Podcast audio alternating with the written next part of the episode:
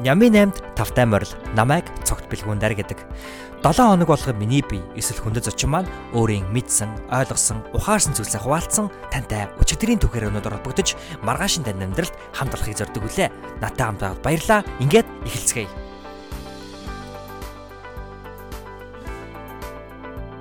За сайн уу энэхүү өдрийн энэхүү цаг мөчийн мэндийг хүргэе. Ням гаргийн маш гайхалтай нэгэн шинэ өдөр, шинэ өглөө, шинэ орой эхэлж байна. За тэгээд өнөөдрийн маань Нями 8-ийн подкастын 13 дахь дугаарт Бат Эрдэн овогтой Бат Оргил гээд маш гайхалтай найз маань урагдан оролцсон байгаа. Тэгээд миний урилгыг хүлээд миний урилгыг хүлээж авсанд бол би үнэхээр их таатай баяртай байгаа. Яагаад вэ гэхээр би энэ хүнийг юу гэж харж, юу гэж дүгнж явдаг вэ гэхээр нэгэн хувийн амьдралынхаа богинохон түгээс хуваалцаад би анх Бат Оргилтой 2013 оны орчим танилцж байсан. Түүнтэй анх танилцахад тэрээр яг тэр цаг мөчид номтой нөхөрлөе гэдэг клубийн одоо яг удирдах зөвлөлийн гишүүн гэдэг юм уу төр тэрхүү клубыг удирдах явах чухал альбом тушаалыг эрхэлж маш их төвцөлтгэлтэйгээр номтой нөхөрлөх тэрхүү аяныг бол Монгол орон даяар өрнүүлж байсан. За тэгээ би 2016 онд дахиад хамгийн сүүлийн удаа ер нь бол яг 16 онд бит хоёр уулзсан. Тэг хамгийн анх 16 онд уулзахад бол Батөргөл маань яг миний сууж исэн тэрхүү кафе бэнэ гэдэг кафе шопод ном цуглуулад хүүхдийн баяраар хүүхдүүдэд номын дээд бэлэг одоо бэлэг бэлгийн дээд номыг бэлэлэх гэдэг ингээд ном цуглуулах аян хийж исэн. Тэгээ энэс юу харж байна гэхээр Батөргөл бол үнэхээр 3 жилийн өмнө 4 жилийн өмнө эхлүүлсэн ажлаа өнөө хүртэл эцсийн үздэл ингээд хийгээ цаашаа үргэлжлүүлээд яг өнөөдрийн Монголын нийгэмд юу хэрэгтэй байна тэрхүү зүйлийг бол ухаарж ойлгоод түүнийхээ төлөө маш хүчээл сэтгэлтэйгээр зүтгэж яваа тийм гайхалтай залуучуудын нэг гэж би өөрөө хардаг. За тэгээд тэрээр бол өнөөдрийн подкастаараа юу юуны тухай ярьсан бэ гэдэг би топ топ дуртай явбал ертөнтэй хүн даруй гихчээр тэр маш олон зүйлийн мэдээж хэрэг дарж ярьсан надад ажиглагдсан. Гэтэ тэрээр ерөөсөө өөрийнхөө эрдэм мэдлэгийг та бүхнээсээ харамлаагүй. За юуны тухай ярьсан гэхээр санхүүгийн эрх чөлөө ямар чухал болох сүүлийн үеийн ярианы гол сэдэв болоод байгаа биткойн буюу одоо cryptocurrency тийм ээ crypto value гэж юм жохом юу. За тэгээд хүн хизээ дахин төрдгөө хүн хоёр удаа төрдөг хизээ дахин төрдгөө гэд тэр зүйлийг ярьсан. За тэгээ ер нь бол энэ 7 хоногт өөртөө хийгээд хүрээлэн буу орчин. За тэгээ бүр зурагтынхаа удирдлага талархаж байгаа гэсэн шохолтой зүйлийг бол хэлсэн байгаа. Яг юу яагаад талархах та бүхэн бас сонсоорой. За тэгээ түүний одоо энэ 7 хоног сурсан сургамж гэвэл хүний энерги, хүний бодол ямар одоо чухал нөлөөтэй тийм ээ. А үүнээсээ цаашаа лавлуулад одоо хүний энергиэр дамжуул идэж буй хоол хоол эдгээр зүйл бас ямар хүний бие амьдрал чухал болох тухай ярьсан байгаа. За ер нь бол маш олон гайхалтай гайхалтай зүйлүүдийг ярьсан. Ялангуяа түүний уншсан биш үеэл дүгийнхэн түүнд ярьж өгсөн бүсгүй код гэд ийм номны тухай бол маш гайхалтайгаар бидэрт ярьж өгсөн. Тэрхүү бүсгүй код гэдэг номыг бол надад ярьж өгж байгаад зөвхөн эрэгтэй эмэгтэй хүмүүс биш, эрэгтэй хүмүүс хүртэл заавал унших, заавал сонсох, авах зүйлийг нь авал гих зүйл ингээх тийм өстой ном, тийм ном юм байна гэж би юу хаасан тийм учраас маш их зүйл сурна. А энэ подкастаас би тэгж итгэж байна. Яагаад гэвэл Батөргөл бол өөрөө маш их зүйлийг хурааж авдаг, мэдэж авдаг, түүнийгээ эргээгээд нийгэмдээ өөр өгөөжт үзүүлэлгэн гаргадаг ийм гайхалтай залуу байгаа. Тэрээр нийт дэлхийн 3 ТV 11 орноор аялсан. Тэр дундаа Америк нэгдсэн улсыг хүндлэн голд аялж явсан ийм залуу байгаа. Зүгээр ч аялж яваагүй тэр амьдрал, тэр нутгийн, тэр орн одоо нутаг орны соёлтой бүр дунд нь орж ажиллаж хөдөлмөрлж ингэж зах цухаас нь мэдэрсэн ийм гайхалтай залуу байгаа. Тэгээд олон хүлээлтгүйгээр хідүүлээ ярилцлага руугаа үсэрцгээе.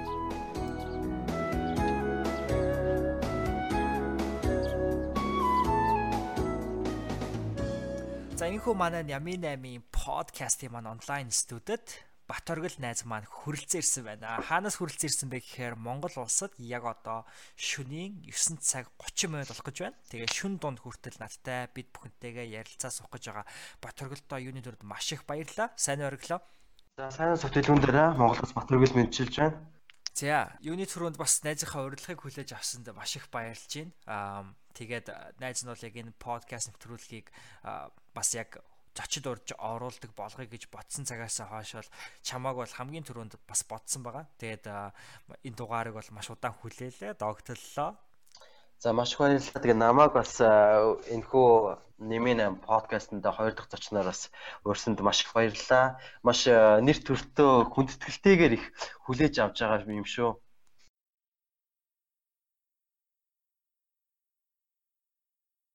Ягаад гэвэл маа Батөргөл бол би Батөрглийг бол ер нь миний бодлоор 2013 онд анх танилцчихсан баг те.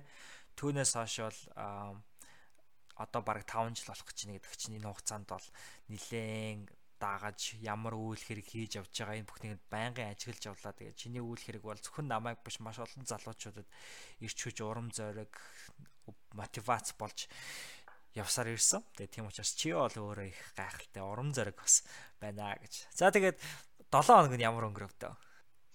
За энэ 7 хоногийн даваа гарагаас эхлээд цогт дэлгүүн дээрээс урилга хүлээн авсан байгаа. Тэгээ Нэмийн 8 подкастт болохоор намайг өрсөн яг мессежийг би өглөө бас босоод харангуйтаа маш их баяртайгаар хүлээж авсан.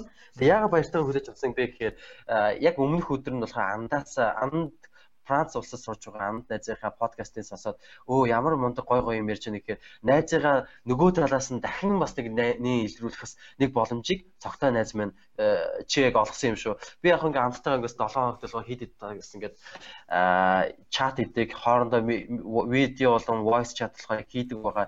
Хэдий тийм болж гэсэн бид хоёр өөр өөрдөө бас мэдсэн мэдэрсэн зүйлсүүдээ өөр хоорондоо хуваалцдаг ч гэсэн Найзынхан бас зарим нэг мэддэг мэдэрсэн одоо шинээр сурсан зүйлсүүд нь болохоор дөнгөж шинээр ингээд сонсож байгаа юм болохоор яг шинэ мэдлэг шинэлэг мэдрэмжийг болохоор авсан байгаа.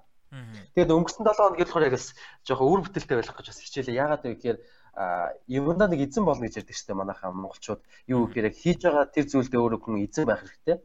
Аа цогцлогын дээрээс болохоор яг урилга хүлээж авангуудаа болохоор яг тухайн яг хийж байгаа одоо лексэн суудаг ч юм уу, ном уншдаг ч юм уу, кино үздэг ч юм уу те кол хийдэг ч юм уу, хүнтэй ярьдаг ч юм уу тэр болгондоос нэг анзаарангатай хандаж эзэн байж хандаж зарим зүйл төр болохоор тэмдэглэл хөтөлж болохоор бас цогтой найзын маань ингээ подкастыг сонсож байгаа сонсогч нарт бас хэрэгтэй тэр мэдээлэл мэдээллүүдийг өөрийнхөө сонссон мэдсэн харсан тэр зүйлсүүдийг хуваалцахыг маш их ингээ догдлон хүсэж бас өнгөрөөсөн тэр 7 хоног байлаа.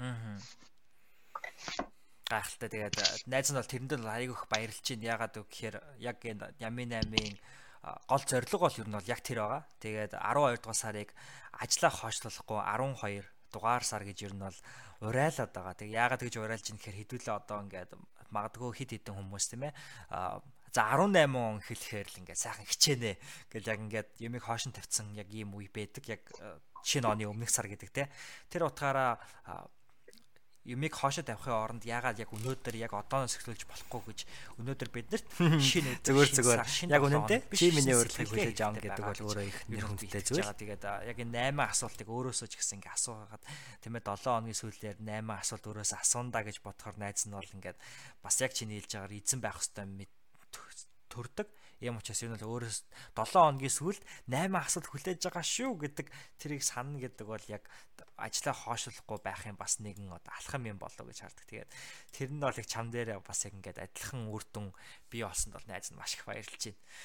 За тэгээд бат оргилын хувьд бол чамайг бий хийгээд маш олон хүмүүс бол аяллаар номоор, сайхан сэтгэлийн ажиллаар за тэгээд нийгмийн өвтөх зүтгэлээр бол төсөөлж хардаг. Чамааг мэдхгүй энийг сонсож байгаа тэрхүү 12 хүнд өөрийгөө танилцуулна. Өөрийнхөө аялал ном одоо энэ бүхний багцлаа тийм ээ өөрийнхөө сурсан ойлгосон зүйл ч гэдэг юм уу энэ бүхнээ хуваалцал юу яах вэ? Аа. За маш гоё асуулт байна. Энэ асуултанд хариулъя гэх болохоор цогтой минь бас намайг бас нийлэх анзаарсан бол та аялдаг тийм үү номын номуудаас дуртай ч юм уу номын талаараас их бис тодорхой нэг э, постуудаас бичдэг байгаа тэр зүйлсүүдийг мань анзаарсан бол тоо. За Батөрөл гэдэг залуугийн хувьд болохоор бас найз нэгсэн Америкоос ингээд зүүнээс нь баруун эрг рүү бас аялж ирсэн тухай үе 2015 онд. Тэгэхэд болохоор миний хамгийн их ингээ ойлгож авсан зүйлс нь юу зүйл юу байсан бэ гэхээр хүний амьдралд нэг утга учир амьдралд бас юу хийх ёстойг нэг ойлгоод нэг өдөр байдаг юм шиг байна. Тэр өдрөө өдөртөө хүн учирчих юм бол тэр өдрөө хүн олчих юм бол тэр өдөртөө энэ амьдралд магадгүй цогтоо, дарай ч юм уу, батэргэл ч юм уу те нэг утга учиртай нэг нэг зоригтой ирсэн байгаа штэ. Тэр зүйлээ өөрөө ойлгоод авчих юм бол амьдрал илүү их утга учиртай хийж байгаа зүйлдээ эзэн хийж байгаа зүйлдээ бас нэг зориг босгоод явдсан байна гэдгийг би бас ойлгож байсан. За тэгээд одоо сүүлийн талх бас юу хийж юм гэхээр батэргэлийг бас илүү бас бусад хүмүүстээ танилцуулж рекламдан гэж одоо хэлэх нь хаашаа илүү бас нэг танилцуулж явуулъя гэж үзэх юм бол болохоор сүүлийн үед болохоор тодорхой нэг зорилгоо тавьсан байна. Тэр зорилго нь юу гэхээр ялангуяа манай Монгол залуучууд маань болохоор санхүүгийн үед тийм үү. Гэр бүлийн үед болохоор хувьд гэр бүл төлөлтийн үед болохоор маш гоо төлөвлөгөөнүүдийг зорилгоодыг тавьдаг. тэр нэгэн бас олон мянган залуучуудын нэг адилхан санхүүгөө үсчихсэн одоо ээж аваасаа сүлийн одоо хідэн баг хагас жил гарны туршлага ээж аваасаа ямар ч мөнгө авсангүй. Аа яг өөрөө өөрөөрөө болгож чинь тэгэхээр болохоор эндээс ингэж юу харж байна гэхээр хүн бас нэг зорилгоо тавиад яг хийж байгаа зүйлдээ эзэн болоод тэр зүйлийн төлөө бас явах юм бол их боломжтой гэж харж байна л да. Тэгэхээр бас тодорхой хэмжээнд бас нэг санхүүгөө босгох гээд санхүүгөө босгохын тулд хувьцааг сонирхож байна. Тэгээд дээрс монголчууд төдийг бас дэлхийн бас олон улс орны залуучууд бас сонирхож байгаа биткойн ч юм уу те бусад койн эдгээр зүйлсүүдийг муутай сайтай янз бүрээр нь хэлж ийн эдгээр зүйлсийг өвчсөн сонирхож үзээд судалж үзээд аливаа зүйл бүх зүйл өөрөө өөрснөө гэсэн нэг эрсдэл байгаа. Тэр эрсдлийг бас нэг гэсэн үзээд нэг юмны нэг бас нэг цаана гараад тийм үү. Тэгээд үзэж санаатаа тэгэж үзэж байна. Яг өөрөө миний бас хувь хүн маань юу гэхээр бас нэг зүйлийг эхлүүлчихсэн бол тэр зүйлийг бас нэг эцсийн үзээд нэг үр дүнгийн алдсан ч онсон ч бай нэг үзчихдэг юм үзчих юмсан гэсэн нэг бас нэг бодлоо гэдгийг тэр зүйлсээ зүйлүүд нэлээд хандаж зорж байна. Аа чи түрүүн хэллээ л дээ нөгөө нэг хамгийн ихэнд ном момтой холбоотой пост оруулдаг гэж. Тэр дээр бол найз сонсож байхад бол аа эртэмтэй хүн даруу гэж яг бодож суучлаа. Ягаад гэвэл чи бол ном момны пост оруулахаас илүү номны төлөө үйл ажиллагаа маш ихээр хийдэг шүү дээ тийм ээ. Одоо миний санджаар 2013 онд чи нөгөө номтой нөхөрлөлийн клуб гэх тэндний маш идэвхтэн гişүү магадгүй удирдах зөвлөлийн хүн байсан баг тийм Тэгээд ингээд түрүүн ч гэсэн бас ухаж хахад судалгаа хийж хахад бол одоо яг шинэ оны өмнөхөн хүүхдийн одоо нийт дөрвөн эмнэлэг дээр 200 гаруй хүүхдэд шинэ оны өмнө ном тараагаад ингээд явж исэн хүүхдийн ном гэж юм те. Тэгээ энийг бол ганцаараа мэдээч хэрэг хийгээгүй Батөргөлийн хажууд бол зөндөө олон найзууд гайхалтай залуучууд байсан итгэлтэй байна. А гихтээ үүний нэгэн хэсэг бол явж исэн гэдэг бол маш гайхалтай. Тэгээ яг одоо би нэг хүүхд имлэгт яг шинэ оны өмнө имлэгт хэрэг би маань муу ингээд хөвтчихсэн бол тэр ном надад ямар гайхалтай ертөнцийг авчирсан байж болох уу те. Тэгээд Батөргөл бол ертөнцийг авт нэгэн хүнд бас авчрагч юм байна те. Энэ тал дээр бас жоохон дэлгэрүүлээ ярил. Тэгээд дараа нь хоёлаа бас нөгөө ярьсан зүйлүүд дээр ярил. За сүүлийн баг нэг жилээс хойш болохоор би Facebook болон сошиал орчинд ер нь нэлээ идэхгүй болсон. Аа тэрнээс өмнө бол нэлээ идэвхтэй байсан. Ягаа идэвхтэй байсан гэхээр бас сүүлийн үед яг өөрөө өөрийгөө нэг чагнаад өөр өөртөө бас ажиллаад итгэхээ бас нэг сошиал их цаг зарцуулахгүй яг өөрөө өөрийгөө магадгүй тийм монголчууд бидний ярьдаг штэ эхлээд одоо бие бэлдээд тийм үү дараа нь гэрээ тэгээд уус орно гэж ярьдаг. Тийм шиг болохоор өөрхөн биеэс бэлтчихэд бас дараа нь бас нэг хүнд үг хэлгээд даацтай болсон. Тэр цаг үед тэр цаг мөчид болохоор яг бие бэлэн байх хэвээр болов гэж магадгүй сошиал зарцуулах цаг хугацаа бас нэлээд зүйлүүд багассан байгаа. А түрүүний асуултын хувьд болохоор бас хариулж идэг болохоор новтон нөхрөлийг гэдэг клуб болохоор бид бас нэг нийгэмд нэг шинэлэг нэг химнэлийг гэж ярьдаг. Тийм дуугаар бол химнэлийг нэг нэг шинэлэг нэг давалгааг бид нар үүсгэсэн. 2013 оны үед 2014 оны үед. Тэр үед залуучууд бүгд анхаард байсан номтой нөхлийг клуб юу гэж юм? Залуучууд тэнд цуглараад номын талаас сонирхож номын шинэ хоёр дахь баг хувьсгал гарч ирсэн. Яагаад би шинэ хоёр дахь хувьсгал гэж юм гэхээр 90-ад он тийм үү? Бидний аав ээж ах эгч нар. 90-ад оны тэр нэг хувьсгалын үед юу ном нөгөө идэх талхныхаа төлөө явж исэн өөрийнхөө амьдралынхаа төлөө явж исэн. Тийм яг тэр цаг үед болохоор нөгөө номын соёл, номтой холбоотой яг эрдмийг эрхэмлэх тэр соёл өөрөө алгаччихсан байсан яг үнийг хэлэхэд. А энэ зүйлийг 2010-ад оны яг ингээд дөнгөж гарч ирж байгаа 20 болон 18-аас дээш насны тийм үү шин шинээр бас нэг сэтгэж байгаа тэр залуучуудаас нийгэмдээ нэг эерэг инээрэг эерэг давалгааг үүсгэчих гэсэн нэг зорилго бодолтойгоор болохоор хэд хэдэн нийгэм зорилттой сайн үсгийн аянуудыг бид нар зохион байгуулжсэн нэлээд олон бид нар бас нэг номын уулзалтуудыг зохион байгуулжсэн. Энэ бүхний цаад зорилго нь юу байсан гэхээр нийгэм зүгээр давлгаал өсгөх байсан. Дараа нь яасан гэж зогтоо. Дараа нь бид нар зүгээр тэр давлгаал үүсгэсэн номдон нөхлийн клубын цаанаас араас нь хідэн 10 номын клубүүд үүсэж бид нар зөвхөн уулзалт зохион байгуулахгүй байсан ч гэсэн өөр өчтөчнөө номын клубүүд номын уулзалтуудыг зохион байгуулж ирсэн. Өчтөгчнөө газар албан байгууллагууд, ихтэй сургуулиуд өөрсдийн гэсэн номын сантаа болж ирсэн.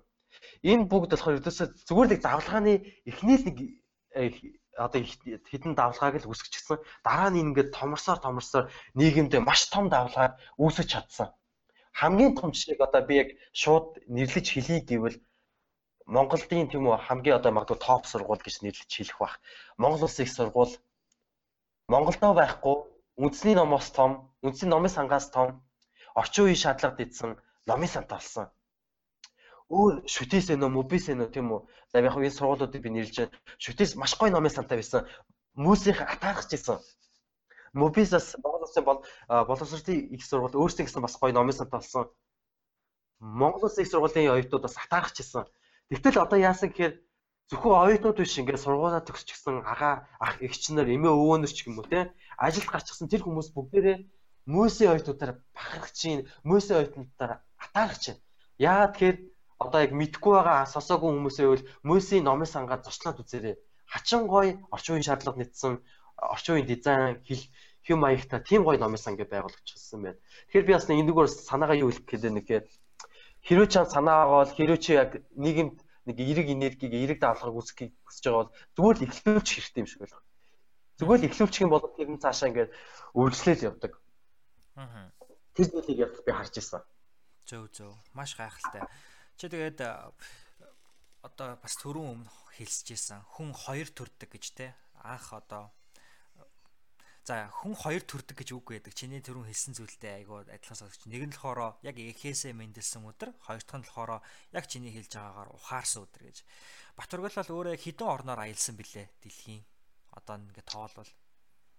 Найз нь нэг 3 твийн 11 улс орноор аялсан байна.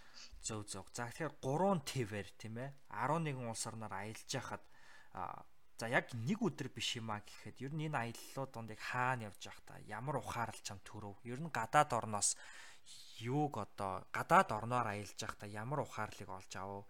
Яаж шинэ хүн болгож чамайг чадсан бэ? Аялна гэдэг энэ зүйл өөрөө чамайг хэрхэн ховцсуулсан бэ? Ховцсуулсан бэ? Яаж одоо магадгүй дэлхийн иргэн гэж манайхаа ярьж байгаа дээ. Өнөөдөр магадгүй чи битээр ингээд зүгээр хоорондоо ярьж байх хооронд дэлхийн өөр хаа нэгтэй зөвхөн одоо миний хажуудлын гэрийн ханы цаалч гэсэн өөр нэгэн амьдрал байгаа. Өөр нэгэн бас амьдрал өрнөж байгаа. Тэгэхээр магадгүй аялна гэдэг нь болохоор өөр соёл, өөр хэл, өөр соёл зан заншилтай тэр улс орнуудаар аялж хүмүүс яаж амьдарч байна, амьдралын хэм маягийг магадгүй судлаад тийм үү?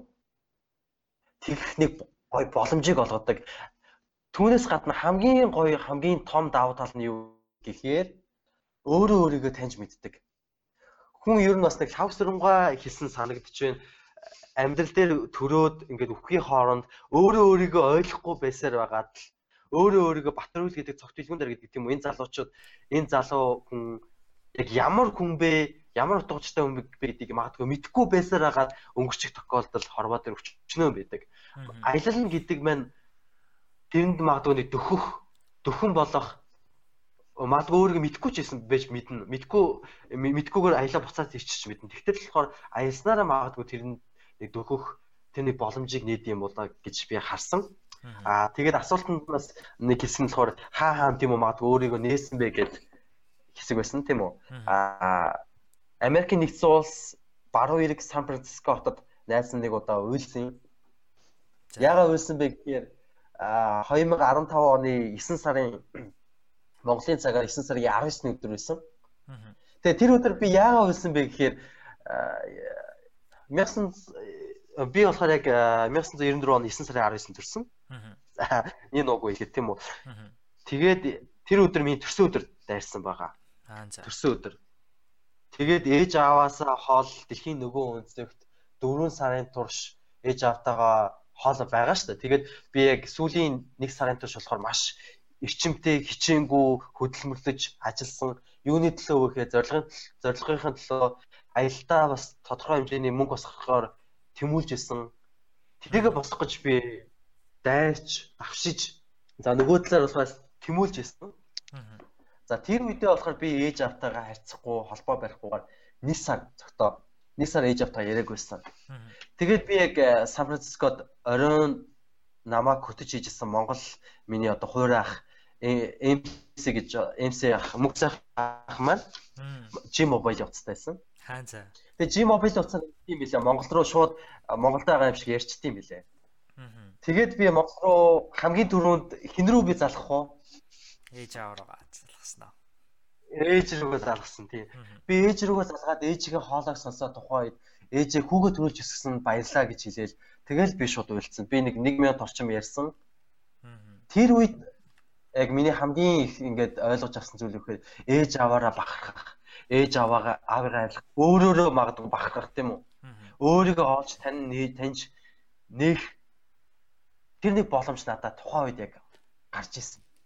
Аялснараа би тэр амьдрал дээр амьдралын утга учирыг яг тэр үед би ойлгож авч ирсэн. Ярих юм бол ингээд нэлээд товчилж ярьж ярих юм бол бас нэлээ бас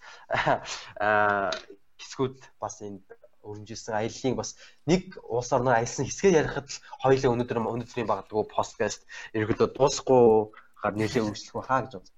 Тэгэлгүй яах вэ? Тэгэхээр яг чиний хувьд бол гадаад оронд явж байхдаа өө би бас ийм хувтай хүн учраас ингээ явж гин гэхээс илүүтэйгээр ээж авда тий ямар их баярлж явдаг талархаж явдаг ухаарж ер нь бол амьдралыг илүү өөр өнцгөөс харж чадсан байх шүү дээ. Тэгээд мэдээж хэрэг бас гадаад оронд ялангуяа барууны хөгжсөн оронд ингээд амьдраад аялаад явж байхад бол атаархах сэтгэл их төрдөг те. Одоо ялангуяа хүмүүсийнх нь санхүүгийн эрх чөлөөнд хүрсэн байдал ч юм уу. Тэгээд чи ч гэсэн түрүүн ярьж байхдаас монголчууд бид нар санхүүгийн эрх чөлөө ямар чухал байж болох тухай дурдсан. Тэгэхээр чиний хувьд дараагийнхаа нэг асуулт руу ороход санхүүгийн эрх чөлөө ер нь яагаад ялангуяа монголчууд бидэнд айгүй хэрэгтэй зүйл гэж харагдаж байна. Тэгээ монголчууд ер нь жоохон мөнгөний талаар conversation одоо харилцан яриа тэгээ мөнгө гэдэг энэ ярианаас жоохон зүхтаад идэг чиглэгддэг аахгүй надад зөвөр ингээ мөнгө гэдэг яриа жоохон Монгол нэг тийм муу сэдвч юм шиг те. Гэтэл өнөөдөр яг эсрэгээрээ бидний үүний талаар харин ч их ярьж харин ч илүү их одоо санхүүгийн их олдог үүсрүүдийг нээж илрүүлэх ёстой юм санагдтыг найзад нь энэ дээр юу гэж бодогдож байна? За санхүүгийн хувьд болохоор найз нь бол яриг бол маш их юм сөүлүүд их бодогдож залуучуудаас хэлье гэж бодсон юмуд их байгаа. За одоо ингэж байл та манай залуучууд одоо байр авах гэдэг ч юм уу? Үнэтэй маш авах гэдэг ч юм уу? Магадгүй хүн болгон байрыг бэлэн мөнгөөр шууд өөрийнхөө мөнгөөр авч чадахгүй хүн болгон бэлэн мөнгөөр тэр машиныг авч чадахгүй тэгэхээр нөгөө зээл тавьдаг хин нэгнээс гуйдаг банкнаас мөнгө авдаг ч юм уу те Тэгэхэд яг эндээс юм үсдэг гэхээр магадгүй эрэг талаас нь харах юм бол магадгүй зээлтэй хүн яадаг гэхэд зээлийн дарахын төлөө тэмүүлээд ажилдаг, хөдөлмөрлөдөг, а зээлэд арддаг, эцэст нь яадаг гэхээр байртаа болоод машинтаа болоод ягдгүй эрэг талаас нь харах бол тиймгүй давуу тал гарч байгаа юм шиг мөртлөө юу алдаж байна гэдгийг бид нар мартчихад байгаа. Сэтгэл санааны хувьд тийм үү? Бие махбодын хувьд, эрүүл мэндийн хувьд бид нар өөр өөртөө алдаад байгаа юм шиг надад санагдаад байдیں۔ Тэгэхээр би бас эндээс юу анзаарч байгаа гэхээр найс магадгүй яг саяхны хүртэл саяны өнгөрсөн зууны хүртэл би ээж аав аав минь магадгүй шахалтаа ээж аав маань ингэж шахаж байгаа байхгүй одоо батрагдаж байна. Байр аав. Аа байр одоо яг авцааг өсч минь ээж аав нь одоо магадгүй туслан чи өөрөөсөөс мөнгө төргөө өгөөд байр аав гэжсэн. Би тэгэхэд одоо болохоор миний бодол санаа бол оронгоор өөрчлөгдсөн. Яагаад вэ гэхээр Зүгээр би бэлэн мөнгөөрөө магадгүй тэрийг би эргэлдүүлэх боломжтой байтал тэр мөнгөө байр аваад ч юм уу одоо яг ингээд гэр бүлтэй болоогүй тийм үү?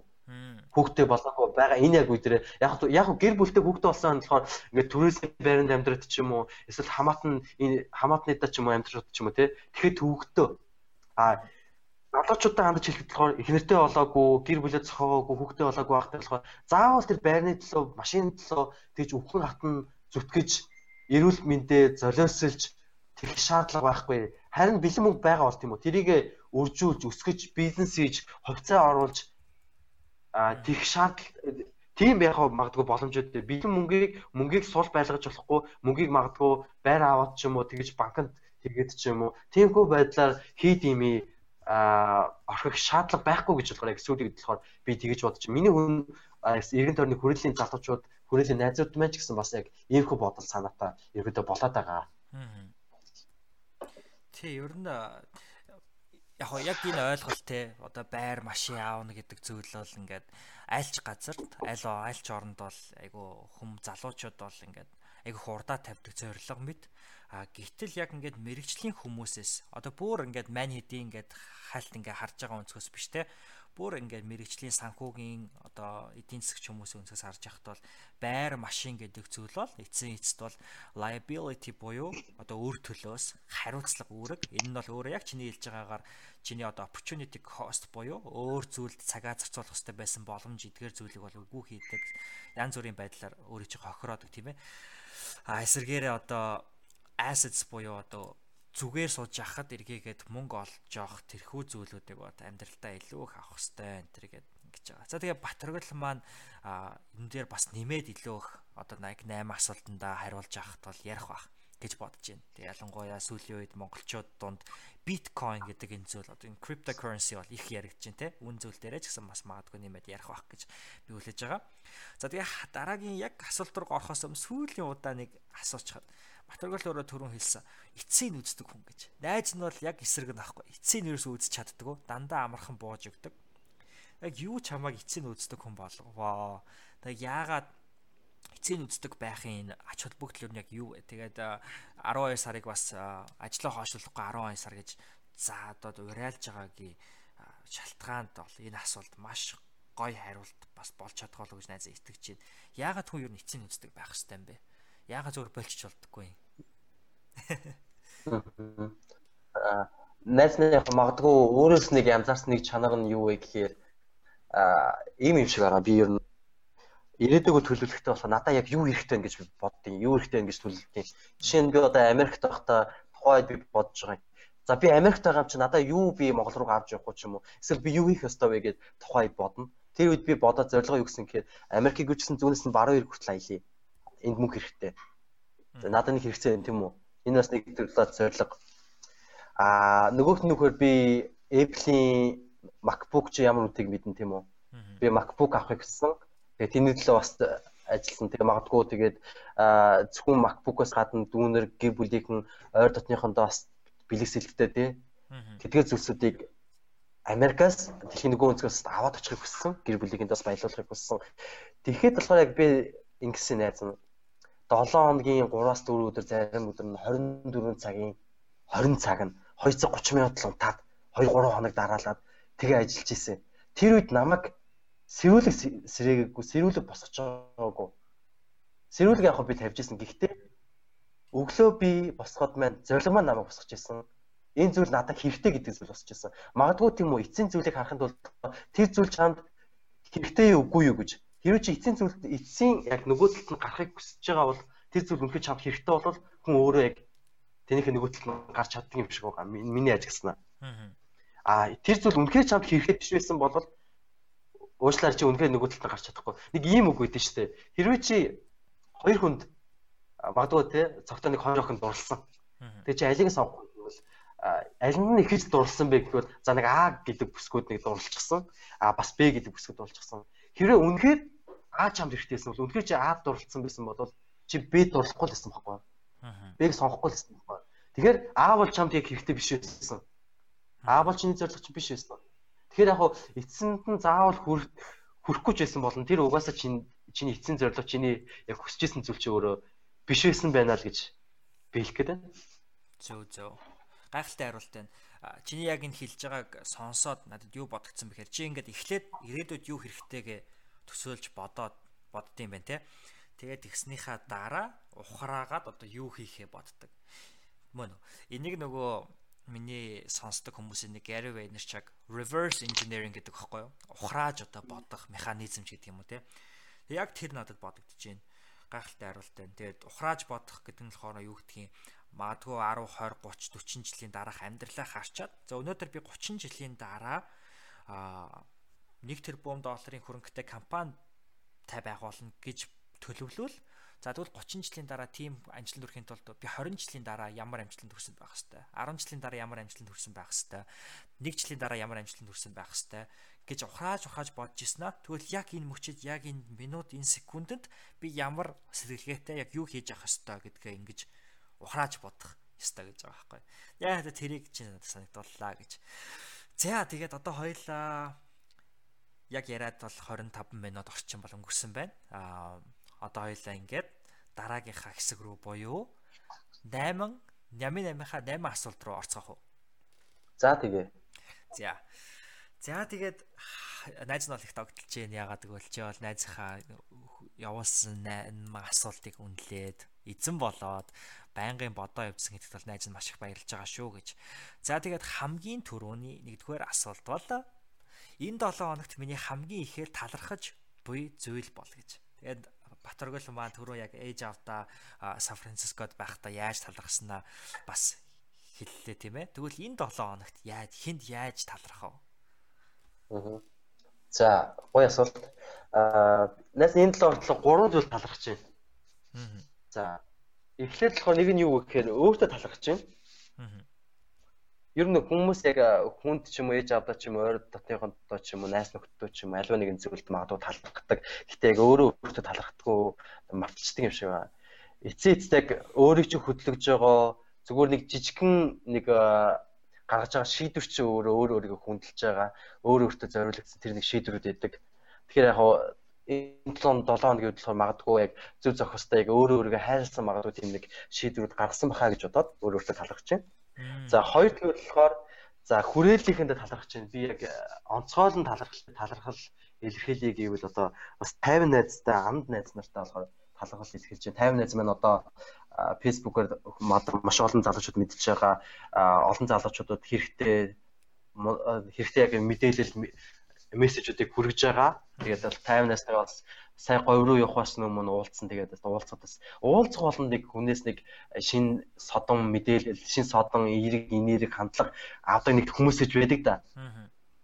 Яг тэр хүмүүсийн мань нэг нь болохоор 50 анд маань байгаа. За дээрс манай Франц анд гэж олноо танигдсан анд найз маань байгаа. Анд найзтай ингээ ярангууд ч ингээд юм төлөвлөчихсөн. Тэнийг хөдлөд ингээд зорж байгаа тийм нэг мондо сэтгэлгээ хандлага ажиглагддгийг. Яг тэр хандлагаа бас ингээд харуулж исэн, тэр хандлагаас үзүүлж исэн. Тийм учраас би хүрээлийнхээ бас нэг дотны найзуудтай болохоор талархал илэрхийлж байна.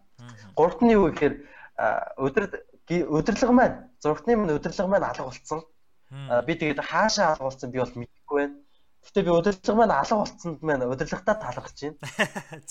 Яагаад вэ гэхээр яагаад вэ гэхээр би манад зургт байдаг. Гэтэ би зургт ер нь үзээд байдгүй. Гэхдээ ялхаа зургтаа би сүүлийн үед болохоор байн гасаалтаа ялангуяа сүүлийн 7 хоног асаангууд болохоор тусаа ганцхан телевиз гардаг.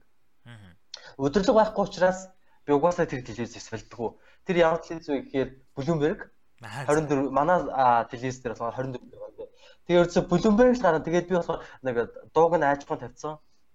Тэгээд яг өөрөө юм хийж байгаа ч гэсэн хоолоо хийж байгаа ч гэсэн компьютер сууж байгаа ч юм уу ном хийж байгаа ч гэсэн яг Bloomberg дээр гарч байгаа болохоор хэрэгтэй хүн хэрэгтэй мэдээлэлүүд гардаг байхгүй. Ялангуяа яг миний яг одоо байгаа циклд ч юм уу хэрэгтэй мэдээлэлүүд гардаг. Тэгэхээр яг удирдлага маань алга болцсон болохоор бас Bloomberg-ээр зөвхөн үзээ тэндээс хэрэгтэй мэдээ мэдээллүүдээ харж байгаа.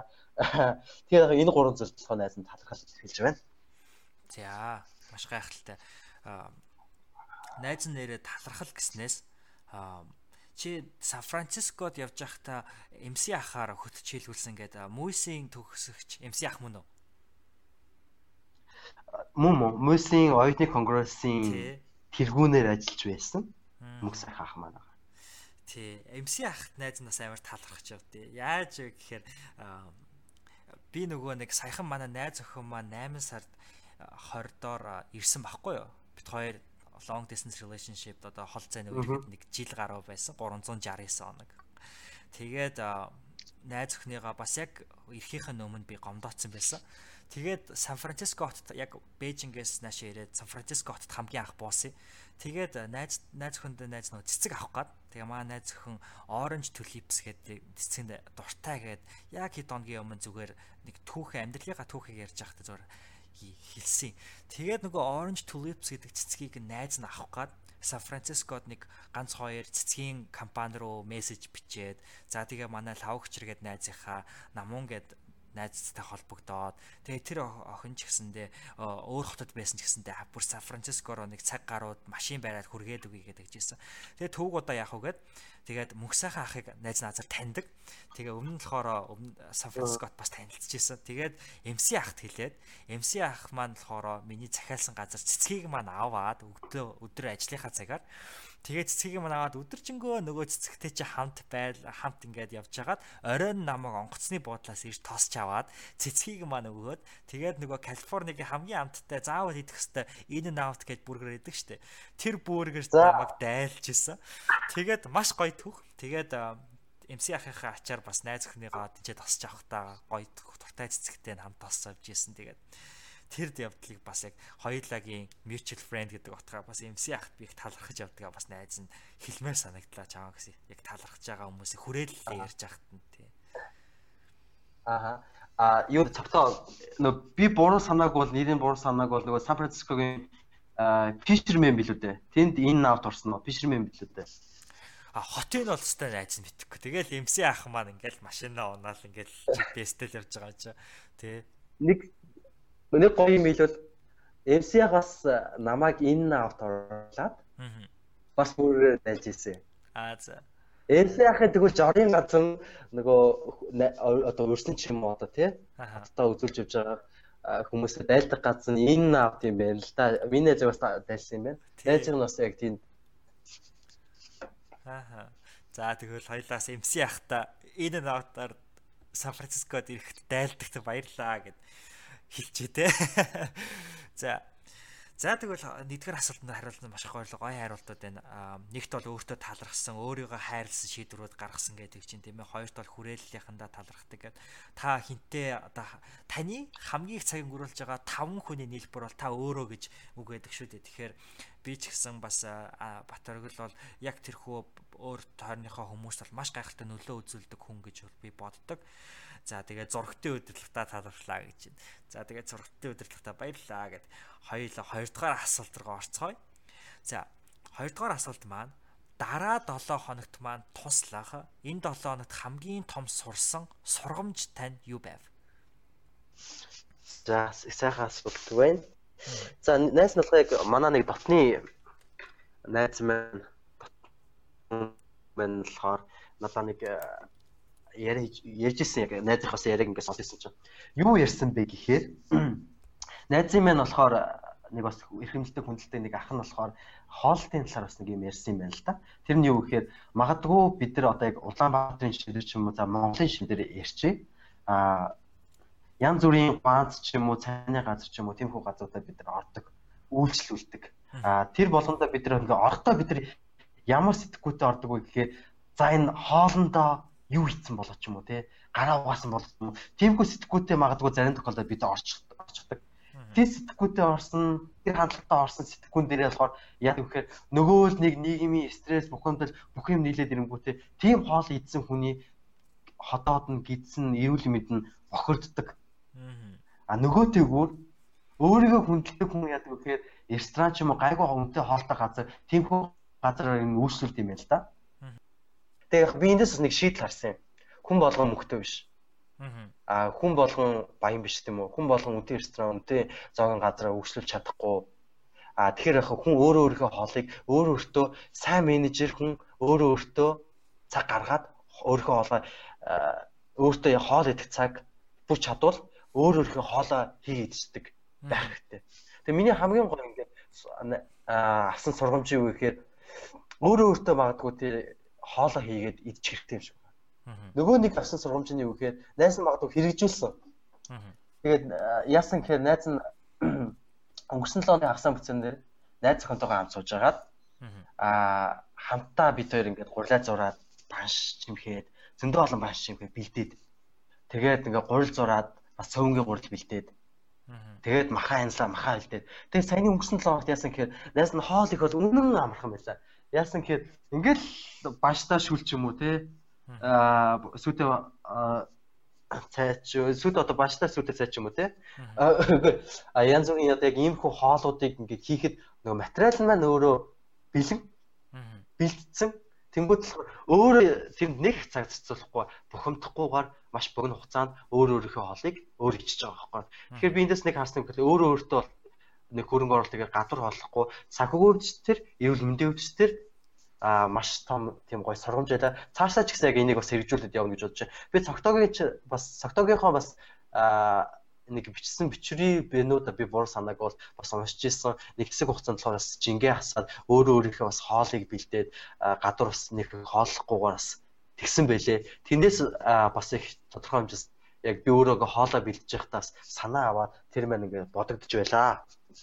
За За бас өөр нэг сургамж юу гэхээр найс нь энэ төгөлдөр хурын тоглолт үзлээ. Тэн дээр яаж байгаа байхгүй хөгжин бүжгийн коллеж тоглогдсон 6 цагаас эхэлнэ гэж хэлсэн. Яг иймхүү тоглолт яг цагтаа эхэлдэг. Яг 6 цагт ирсэн. Яг 6 цагт эхэлсэн. Тэндээс л яг магадгүй бас зөвхөн тий төгөлдрөөрийн сонгодог урлагийн тийм тоглолтод болохоор ингээд цагтаа эхэлт юм байна. Гэхдээ бусад зүйлсүүд найз нөхдийн уулзалт сургалт тэмцээн юу вэ тийм үү? Тэр бүх зүйлсүүдийг сургамж гэдэг талаасаа гэсэд бол магадгүй тэндээс нэг гоо жишг харж байгаа. Хүмүүс сонгодог урлагийнхан энэ арай жоохон элит гэж бид нар ярьдэн шүү дээ тий. Тэр чиглэлийн тэр салбарын тэр хүмүүс мөн болохоор эмийг бас ингээ гоё яг хэдий хүмүүс ингээд магадгүй монголчууд хоцордог ч гэсэн яг цагтаа эхэлж байгаа байхгүй. Тэндээс их гоё юмыг, гоё эрэг инээрийг, гоё эрэг инэрхтэй орчинг бас их харж авлаа. За. Өөр нэмэх зүйл аа. За дахиад. За ганц зүйл байна. Магадгүй бас хитрхи бас их нэг нурших гад байгаа юм шиг санагдаж байвал найстаа анхааруулаарай гэж хэлье. За найс нь би өөрөө фэйсбુક дээр шеэр хийсэн байгаа нэг аялал жуулчлалын бичлэг үзсэн юм л да. Миний сэтгэлийг маш их хөдөлгсөн. Бараг уйлан галцсан. Яагаад уйлан галцсан гэхээр гүрж улсан тийм үү? Гүрж улсад гүрж улс 6 сая дахь жуулчингаа хүлээж авлаа. Яаж хүлээж авсан гэж зогтоо. За. 6 сая дахь жуулчин ингээд хилийн пост отоор ингээд ороод ирэнгүүт чинь ингээд 6 сая дахь ингээд бүртгэлээр ороод ирж байгаа шүү дээ. Тэгсэн чинь ингээд нэрийн Jasper гэдэг тэр залуу байсан тэр залууг нэр нэвчингүүтээ тасаг зэрэглэлийн машин шус болгочаа. Тэнгүүд нөгөө залууч гайхаад намайг хаашаа аваачих гэж юм бэ гэд асуухгүй юу? Тэгсэн чинь жолооч юус уурахгүй тэнгүүтээ дугтун дотроос ингээд загтал өгөө. Загтлыг нөгөө жуулчин залуу маань үзсэн чинь хүндэт Джеспер та тань таны өнөөдөр бол таны одоо ингээд маш тийм чухал өдөр байгаа. Та одоо гинтгийн бэлгэнд бэлэн байгаараа гэсэн утгатай юм бичсэн байсан. За. Тэгэд нөгөө машин хөдөлсөн, машин хөдөлсөн чи яасан гэхэлсэн чинь нөгөө Джеспер гэдэг залуу чинь зүгээр ингээл жуулчин ингээл иргэн тэгсэн чинь гүржийн тусгай хамгаалтанд нөгөө мотор кэд гэдэг нь шүү дээ тий. Тэгээ тусгай ингээд цагдаагийнхан хамгаалт нэг тусгай хамгаалтынхан эн тэндээс нь бүчиж хамгаалаад гүржийн ерөнхий сайдын ордон руу авчирсан. Дунд нь ингээд явжсэн чинь ингээд дэлгэцээр болоход Джеспер гүржид гүрж ирлээ гэсэн бичиг энэ төр гарангуудаа Джеспер баг ойлонгаа алдаа ямар гоё юм бэ гэдэг Тэгсэн чи Джеспер ингээ машинаасаа буусан чинь гүрж улсын ерөнхий сайд нь угтаж аваа гар хараад төрийн дуулан нэгшгэлээд тэгээд үндэсний хоолоороо угтаж аваад нөгөө нэг төрийн тэргүүнийг ерөнхий сайдыг хүлээж авч байгаа юм шиг угтаж авч байгаа байхгүй. Би эндээс яг юу харж ямар сургамжийг авсан гэхээр найз нь өөрөө бас аялал жуулчлалын салбарт ажиллаж байгаа. Монголчууд бас имийг бас нэг өөдрөөр харж имэнд бас нэг гоёор бас нэг тунгааж харах цаг нь болцсон юм байна. Гүрж улс 6 сая дахь жуулчингаа тэгж хүлээж авч, тэгж найрсгаар хүлээж авч, тэр бэлтгийг үтсэн гадаадын иргэн гүржид очих ямар их хүсэл иргэнэлцэл төрөх болоо гэж би тухайд төржсэн. Тухайд харж ирсэн. Өнөөдөр бид нар нэг хандлагаа өөрчлөлт монголчууд бидэд гаднаас ирсэн зочин гिचэндээ ямар гоё хүндлэлийг уламжлаасаа өгдөг билээ тийм үү? Тэрийг өнөөдөр орчин үед сэргээж өгөх шаардлагатай байна. Аялал жуулчлалын салбарыг арай өөр төвшөнд үрэх шаардлагатай байна гэдэг тийм бичлэгнээс би зүгээр ганц бичлэг үзэл би тэр нэг сургамжийг олж харсан юм аа. Зөө зөө маш гайхалтай. Манай сонсож байгаа хүмүүс ч гэсэн Батөрглийн маань Facebook руу ороод тэгээд тэрхүү бичлэгийг олж үзээрэй гэж бас уриалъя тийм ээ уйлангаа алдсан гэж. Тэгэхээр мэдээж маш их сэтлүүд хөдөлгсөн зүйл байгаах. Найзынхны хувьд ч гэсэнтэй аялал жуулчлалын салбар Монгол улсын маш хөгжлийн том тулгуур чулуу байх ёстой болов гэж итгэж явдаг. Тэгээ найз нас төрүүчийн төгөлдөр уурын тоглолтын дээр бас яг аягүй сонир өчтөр яг адилхан зүйл бодож байсан аахгүй юу гэж бодож байсан гэхээр Нями 8 маань 13 дахь дугаарын энэ 7 хоногт надад хамгийн том нөлөө үзүүлсэн тэр хүн бол гэдэг асуулт байна. За 3 дугаар асуулт осох орохоос өмнө хоолтой ганцхан юм чи. За. За нөгөө манайха чи ингэдэж штэ гэртээ очихоор нэг ээжийн хоол, аавын хоол, ээжийн гарын хоол гэд ярьдэн штэ. Тэр чинь нэг аймаг гой амттай байдаг. Гэрт очихоор нэг шаал ондоо байдаг гэд ярьдэн штэ. Тий. Яг тэр чинь байхгүй нөгөө энерги. Аха. Тэгээ хүн өөрөө өөртөө хизээч муу санаж хоол идэхгүй штэ. Тэгэхээр нэг өөрөө өөрийнхөө хоол маань амттай байдаг штэ. Яг яг тэр үед юм байлээ шүү гэж. Өчтөр нөгөө найз Harry Potter тоглолт үзсэн шүү дээ. За тэгээ яг бас яг цагтаа эхэлж байгаа. За 3 дугаар асуулт нь хариултыг. Найз нэг бичлэг үзлээ. За 1000 хүн хэлээ гэж бодоод. Би нэг тийм амар уйхан амт бол биш шүү. Харин нэг хоцорж ирэх нь бол тодорхой. Гэтэл гоё юм үзэхээр бас баярлан тоглосон бас заалаа дүүрхийг хүлээгээд юм уу бас үзээд хэдүүлээ яг чиний хэлж байгаа зүгээр өдөр тутамдаа ч гэсэн баярлалаа. хүн маань тэгээд дээрс нь байсан ч гэсэн сонирхол татсан байвал тэрийг бас тэгээд давшруулж 5 цаг сонирхолтой 5 цагтаа эхлэв. Тэгээд би нэг яг ингээд тэгвэл эмэгтэй Марина эрэгтэй үүлээ байдлаар ингээд би нэрийн зүг боруулж байгаа юм. Ямар сайн юм бэ? Альваа би ясаа гэд 7 хоног нэгчээс авахулаад ингэ хэрэгжүүлээд авах юм бол магадгүй Монгол. За энэ хоёр уран бүтээл заавал цаг хугацаа. Энэ хоёр уран бүтээл чинь яасан юм биш. Өөрчлөж чадах юм бол ингээд яг өчигдрийг бодож. Тэгээд үсгүүд ойлгоо. Яг адилхан зүйл бодсон. Адилхан зүйл бодож ийснээс тэр хоёрын талаар бас яг найзынхаа өмнөх хэлсэн зүйл. Тэр хоёр ингэсэн байгаа зүгээр нэг хоолтой өөр өөрхөө үсгийн хооронд нь боогоод өгцөл 70 цаг юм байна. Яг л инээр боогаад хөдөлгөөнгүй. Никола Теслагийн тэрийг суулсан байдаг шүү дээ. Тэгээд дээрс нь сая хоорондоо харьцаагаа тусгаас болохоор энэ бүгдийн талаас нь харж байгаа. Манай өнөө төр шилтийн яг ямар ямар хоёр талаас нь түүнийг хоёр бие биен рүүгээ хоёр түүнтэй одоо өнцгөөс нь тийм үү? би нэрийг алхаад яг голсон уулзаад хийгээд би энэ тэрвээд үсээд тэгээд болсон байна. Тэндээс нэг амар сонин юм нөхөө. Тийм харилцаа, тийм амьдрал гэж бэ. Юм байна гэж.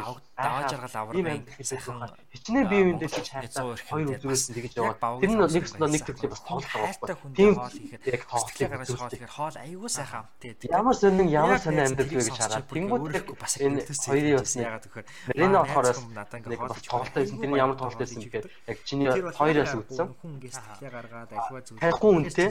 Нэг минутын турш чив чимээгүй би энийг хараад тийм тоглолт байсан. Яг тэр тоглолтын дээр болохоор Маринаас ингээд нүдэн анаад ингээд амраажсэн чинь адилхан зүйл 90 30 90 нөхөр нь өөлийг хүчингүүд мдээгүй байхад нь суулгасан таатай. Марина нь яг нүдэн нэнгүүд нь тэр нүдний харц 3 дахь руу орох ойлаа тэгвэл чи яг анзаарсан байна. Ямар гоё байв. 3 дахь асуулт. Яг тэн дээр бүр хоёр дахь зүгт би амар тогтолж байгаа байхгүй. Тэнгүүт нь Марина өөлээл. Хоорондоо үг хэлэхгүйгээр чив чимээгүй хоорондоо ямар гоё ойлголцож байна вэ? Эндээс би яг юу харсан бэ гэхээр амьдрал дээр бас ийм гоё хайрыг бүтээчих юмсан хагцаараа ойлголцдог, үг хэлэхгүйгээр ойлголцдог. Энэ ямар гоё хайр вэ гэж би тухайд харж ирсэн. Яг энэ Марина Хүлээ хэдий энэ хоёр одоо ингээд салчихсан хоорондоо нийлэхгүй байсан ч гэсэн амьдрал дээр бас хайрыг бүтээгвэл ийм гоё ингээ хайрыг бас бүтээж болд юм байна гэдгийг энэ хоёр хүн бас надаас миний амьдралд нь тодорхой хэмжээд нөлөө болж үзүүлсэн юм аа. За нөгөөх нь юу гэхээр бас зөвхөн хүн биш бас нэг зүйл нэг зуршил нөлөөж байгаа. Зүгээр түлхүүрээ мартаад жижигхэн зүйл байж магадгүй. Түлхүүрээ мартангуудаа магадгүй 3 давхраас доош уруудж явж байгууд нэг давхарт өө би түлхүүрээ мартсан биш үү тийм үү ажлынхад ч юм уу буцаж яг гэрэг зөвхөн тустай яагаад байлаа гэж бодоход тийм үү. Аа. Гэрлүүгөө ороод түлхүүрээ авах тэр хооронд магадгүй 30 секунд ч юм уу те тодорхой хугацаа алдчихж байгаа. Аа. Тэр хооронд амьдрал оронгоороо шаал ондоо 30 секунд л магадгүй хит юм юм шиг магадгүй засуулж байгаа тэр хугацаанд гараад ирсэн чинь өөр нэг таньдаг нэг хүнтэйг тааруулах. Аа. Найс найрсан гэхээр би нэг сүүлийн үед нэг автобусаар үргэлжлүүлээгүй тэгсэн чинь нэг автобуснаас болсон байхгүй? Яг автобуснаас чи би бас нэрийн дутуу хараад би буруу чиглэлээр болсон. Яг би байгаа чиглэлээс тэг яг миний бодол гэхдээ нэг их зөрөө гарахгүй байгаа юм л да. Би өөр бодол буугаад буусан чинь миний яг удаан уулзаагүй нэг ах маань өөр ах маань таар таар явах. Тэгээд таарад Тэнгүүтээ Батөргөл надаа нэг юм нэг төслөө бастай магадгүй чи сонирхож магадгүй гэдэг. Тэгсэн чи өө тийм аха та орой магадгүй надаар ингэ явуулчих. Бас нэг сонирхоо байд. Би тухайд харж ирсэн. Тэрний юу байсан гэхээр амьд гинти зүйлсүүдээр их тохиолддог гинти зүйлсүүд мань магадгүй бид нар өөртөө магадгүй үзээд шүү дээ. Өөр өөрөө өөртөө Батөргөл чи яриачтай, дэлгүүрэн Батөргөл чи яриачтай буруу хатууснаас суудсан тийм үү? Аа Гэтэ очиж ансантай байвал яг уу магадгүй буугаад би өөр чиглэлд магадгүй суугаад магадгүй за яг муу талаас нь би бас нэг хармааргүй байна л да. Гэхдээ өөр чиглэлд суугаад буунгууд чинь удаа уулзаагүй танилтайгаа эсвэл ах гişнэртэйгээ таарах тохиолдол ч юм уу. Амьдрал өөрөө баялаг учраас тийм зүйлсүүд тохиолддог. А энэ дээр нэмэх нь болохоор би зуршил гэж байгаад бас уучлаарай хазаачлаа. Зуршил бас яаж хүнд нөлөөлдөг вэ гэхээр өглөө босох ч юм уу, ном унших ч юм уу, тэрэн дээр зуршил маш их нөлөөлдөг. Сүүлийн үед найз ном уншихдаа ийм зуршил хэрэгжүүлж байгаа. Энэ зуршил надад нөлөөлж байгаа. Би утасныхаа дууга дуугаачдаг. Тэр нь яадаг вэ гэхээр фэйсбүүкээр ирж байгаа ч юм уу, эсвэл надад залгаж байгаа мессеж ч юм уу. Магадгүй чухал дуудлага магадгүй ирж молно л да. Гэхдээ би дууга хаадсан байна болохоор би яг нэг цаг ном уншин гэж суусан бол зөвхөн нэг цаг л сум. Тэр өөр нэг тэр нэг цагт утсаар олдох ч юм уу эсвэл өөрхийн нэгэнтэй ярих ч юм уу өөр ямар нэгэн зүйл хийхгүй яг л номоо уншина. Энэ зуршил маань болохоор амар үр дүнгүй нөлөөлж хэлээ. Ягаад тэгэхээр би сүүлийн толгой ном унших маань болохоор жоохон багасаад байсан ганцаараад сүүлээд ялангуяа биткойн ч юм уу coin их ширтээд нэг мөнгөтэй холбоотой юм болоод ингүүл зөвхөн тэнд их анхаарал цаг хугацааг зарцуулт юм билээ. Тэгэд ирсэн тэрийг анзаарангуудаа би утас муцаас унтраагаад Facebook дээр бүх групп чатынхаа нөгөө дууг нь хаачдаг шүү дээ. Мессеж ирсэн ч гэсэн огт notification ирэхгүйгээр. Энэ notification биш дуу хагддаг.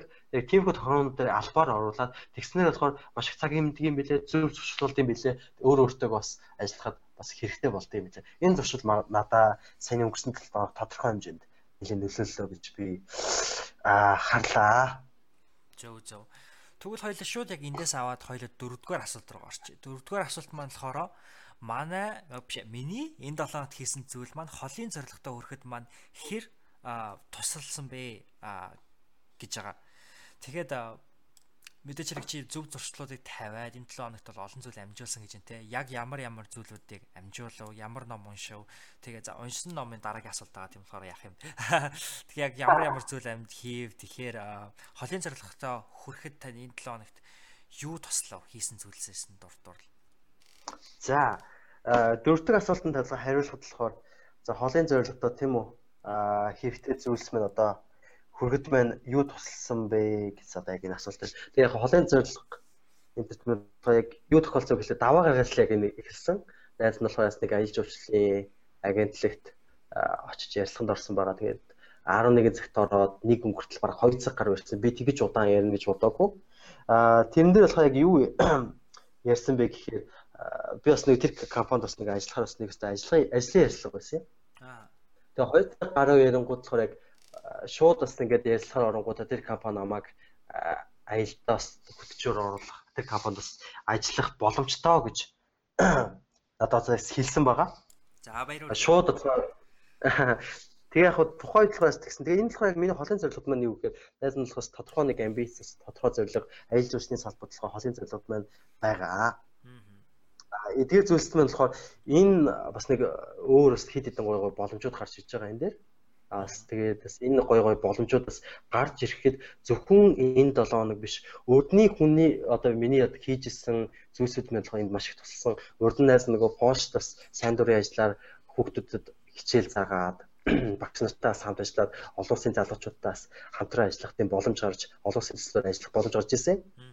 Тэр ажил маань болохоор надад бас яг энэ яслан дээр тэр хүмүүст багадгүй бас жоохон таалагдсан байх гэж би бодож байна. Ярин өнгө яслаас нь Аа тэгэхээр таалагдтал нэлийн дөхөн болсон. Аа тэгэхээр яг магадгүй энэ ярилцлага бас холын зорилгот маань юм болгоноос нэг жижиг жижиг деталь жижиг жижиг зүйлсээс л гоё ихтэй байдаг. Энэ ярилцлага бас тодорхой хэмжээнд дөхөн болсон бас хэрэгтэй нийлээд хэдэн мэдээллүүдийг авсан байгаа. За хоёр нь юу гэхээр найз нь болохоор сүүлийн үед болохоор бас өөрийн ер нь инх хэрэгтэй юм шиг аа. Өөрийнхөө амьдралын бас нэг хэв маяг юунд бас нэг тав тухтай гоё байдаг тэр зүйлсээс бас тодорхойлох хэрэгтэй юм шиг санагдсан. Энийг болохоор би юунаас олсон гэхээр Хиг гээд Данис Скандинавын одоо соёлын одоо соёл байгаа шинээр гарч ирж байгаа. Энэ нь болохоор яг Хиг яадаг соёл вэ гэхээр тав тухтай байдал. Тэрнтэй бол холбоотой. Тэгээд Данихан ер нь Скандинавын орныхон, Нордик орныхон орнуудын улс орны хүмүүс чи сайн мэдж бас тав тухтаа нэг тийм тайван дүлгэн тий нэг тийм байдаг. Яг энэ одоо стилийн маягаас би Монголд бас нэг хэрэгжүүлээ монголчууд бас энэ талаар ойлголттой байгаасаа гэж би боддог. Тэгээ Монгол ахуйгаас ингээд нэг Франц амд найс бас ингээд яриад ялцаа яжсэн чинь Монгол ахуйд мэрс хүйг байна. Хүйг үе тав тух байна. Одоо яг ялангуяа яг үдийд нэг намрын цагт монголчууд мэн нэг идшээ хичээд тий гэр бүлэг хамаатан цадна ойр дотныхтой нэг сууж агаад мах чанаад тий хоорондоо аль ахамд нь ингээ хишиг хүртээгээд махаа огтлоод те дүүнэртэй хүүхдүүдтэй өгөөд ингээ хоорондоо суудаг. Энэ мэн нэг төрлийн бас хүйг. Аа. А тэгвэл хүйг ресторан байвал яг уу ресторан бид нар ингээд тав тухтаа нэг гой байх гад байдаг гэж боддог. Гэтэ бид нэг цэнцийгээд бие бариад ч юм уу те босдох хүн яаж харж байгаа бол гой услаад ч юм уу эсвэл цуг явж байгаа хүндээ гой харагдах гэж ч юм уу цэнцик гээд идэг. Аа. Гэтэл даан ойлголтоо даан соёлоор болохоор хөөг ресторанд яаж хэрэгждэг вэ гэхээр окей а ресторан бол байна. А гэтээ та тэнд гэртээ байгаа юм шиг. Гэр бүл ойр дотныхон найз нөхөд а төгөө гэртээ байгаа юм шиг ойр дотныхонтойгоо тав тухтаа тийм байх тийм нэг боломж байгаа байхгүй. Тэрийг сурталчилсан тэр талаар бас нэг ойлгосон тэр нэг ойлголт байгаа.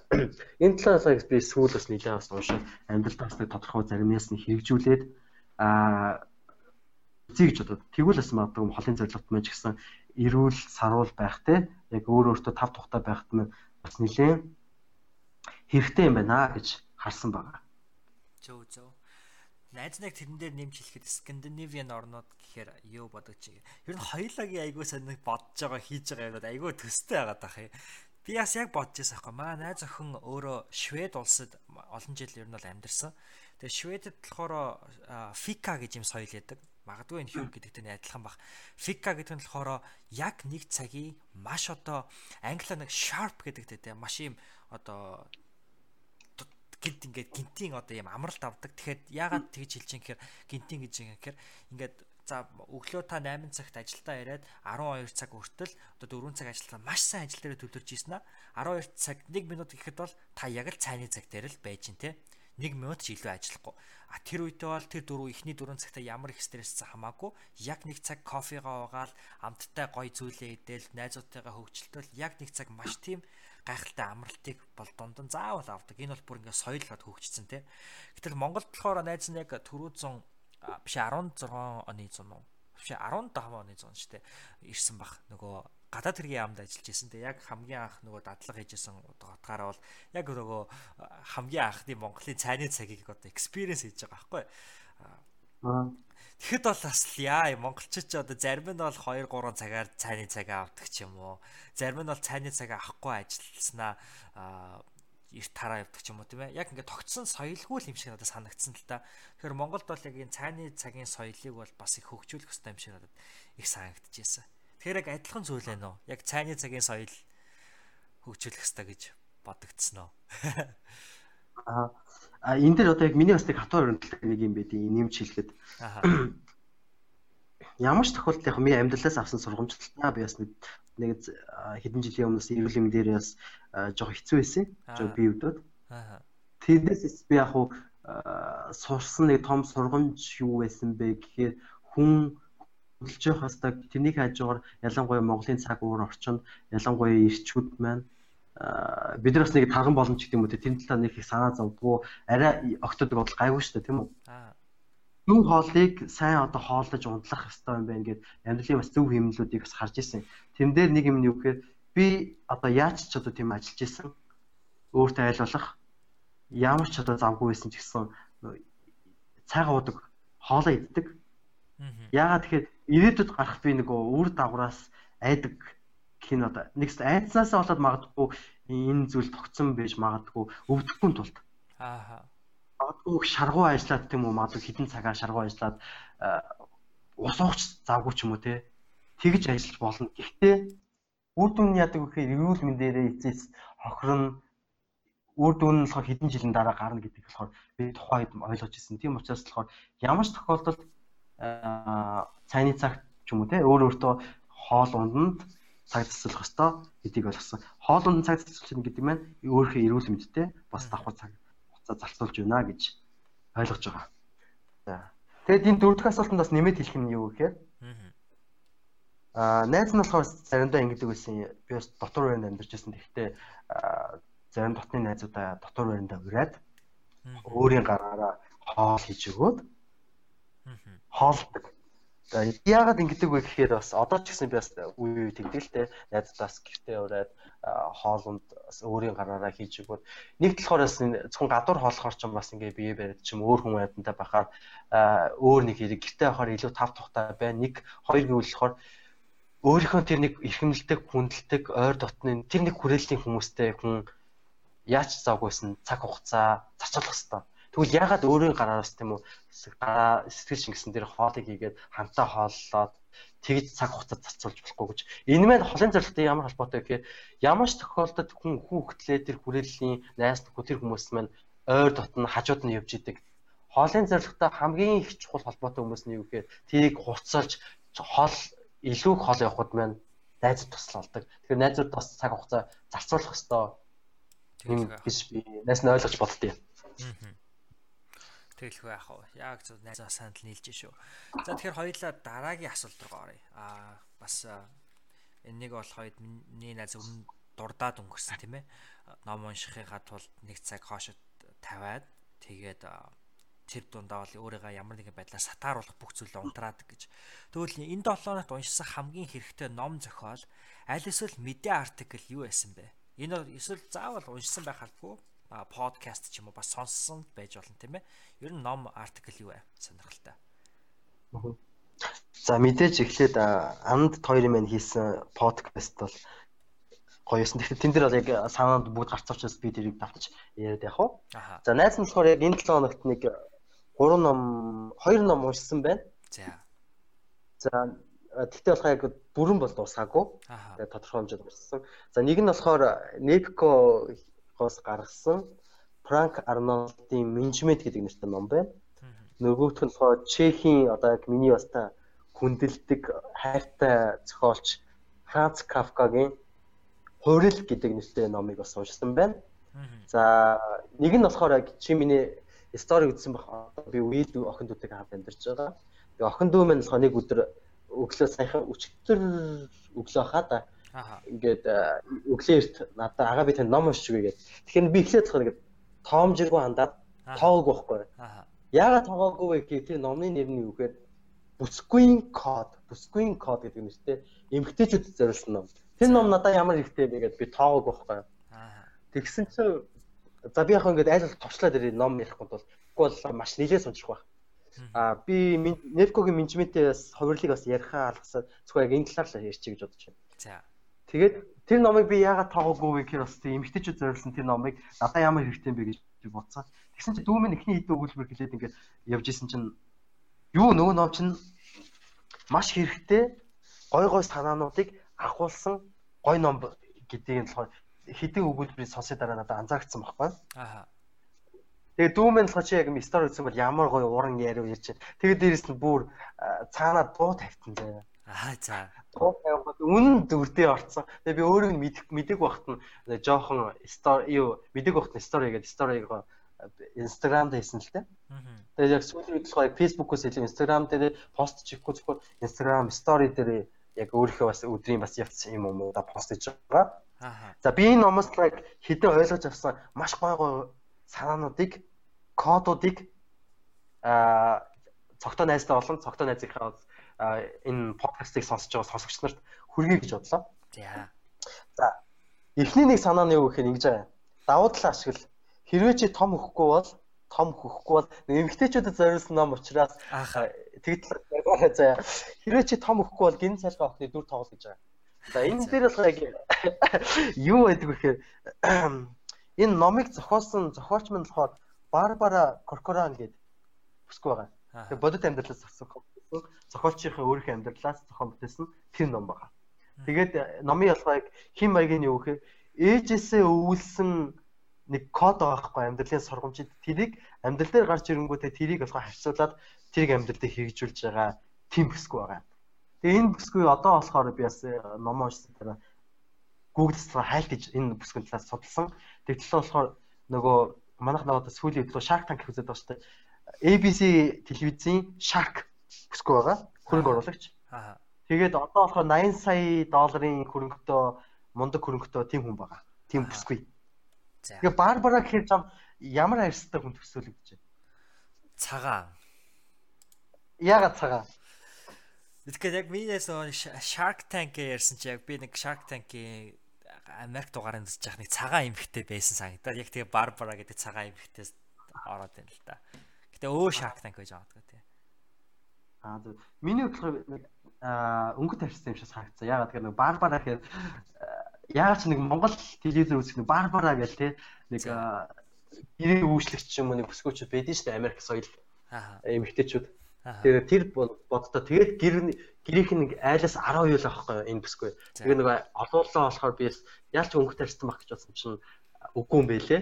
За тэр өнгөт тарьсан ч яг гол кодууд нь болохоор яг юу байсан бэ гэхээр энэ дээр нөгөө том өгөхгүй гэж байгаа шүү. Тэгээд мань бүсгүй болохоор нэг одоо баар ч юм нэг лаунж ч юм нэг тийм газар ажилладаг байсан. Нью Жерсид жижиг хотод. Аа. Тэд хажууд нь бас ажилладаг бас адилхан үйлсгээ явуулдаг газар нь болохоор өөрөөхөн бас адилхан местэн дээр том хөлтөө нэг бүсгүй ажилладаг байгаа байхгүй. Тэнгүүд нь болохоор ирчүүл болохоор яадаг вэ гэхээр барбараа болохоор жижигхэн хөлтөө тийм болохоор барбарагэд ордгоо. Том хөлтөө хажууд талынхаа адилхан үйлчлэг эрхэлдэг газар руу ороод исэн. Аа. Нь болохоор яг энэ дээр бас хийж байгаа гол санаа нь юу гэхээр өөрөө өөртөө байгаа тэр нэг давуу талаа ашиглах хэрэгтэй юм шиг байна. Тэгээ давуу талаа магадгүй чиний нэг зориулагдаагүй нэг газар байгаа. Тэр магадгүй тэр нэг үйлчлэгийн тэр газар магадгүй чи зориулагдаагүй тийм тохирохгүй юм тийм үү?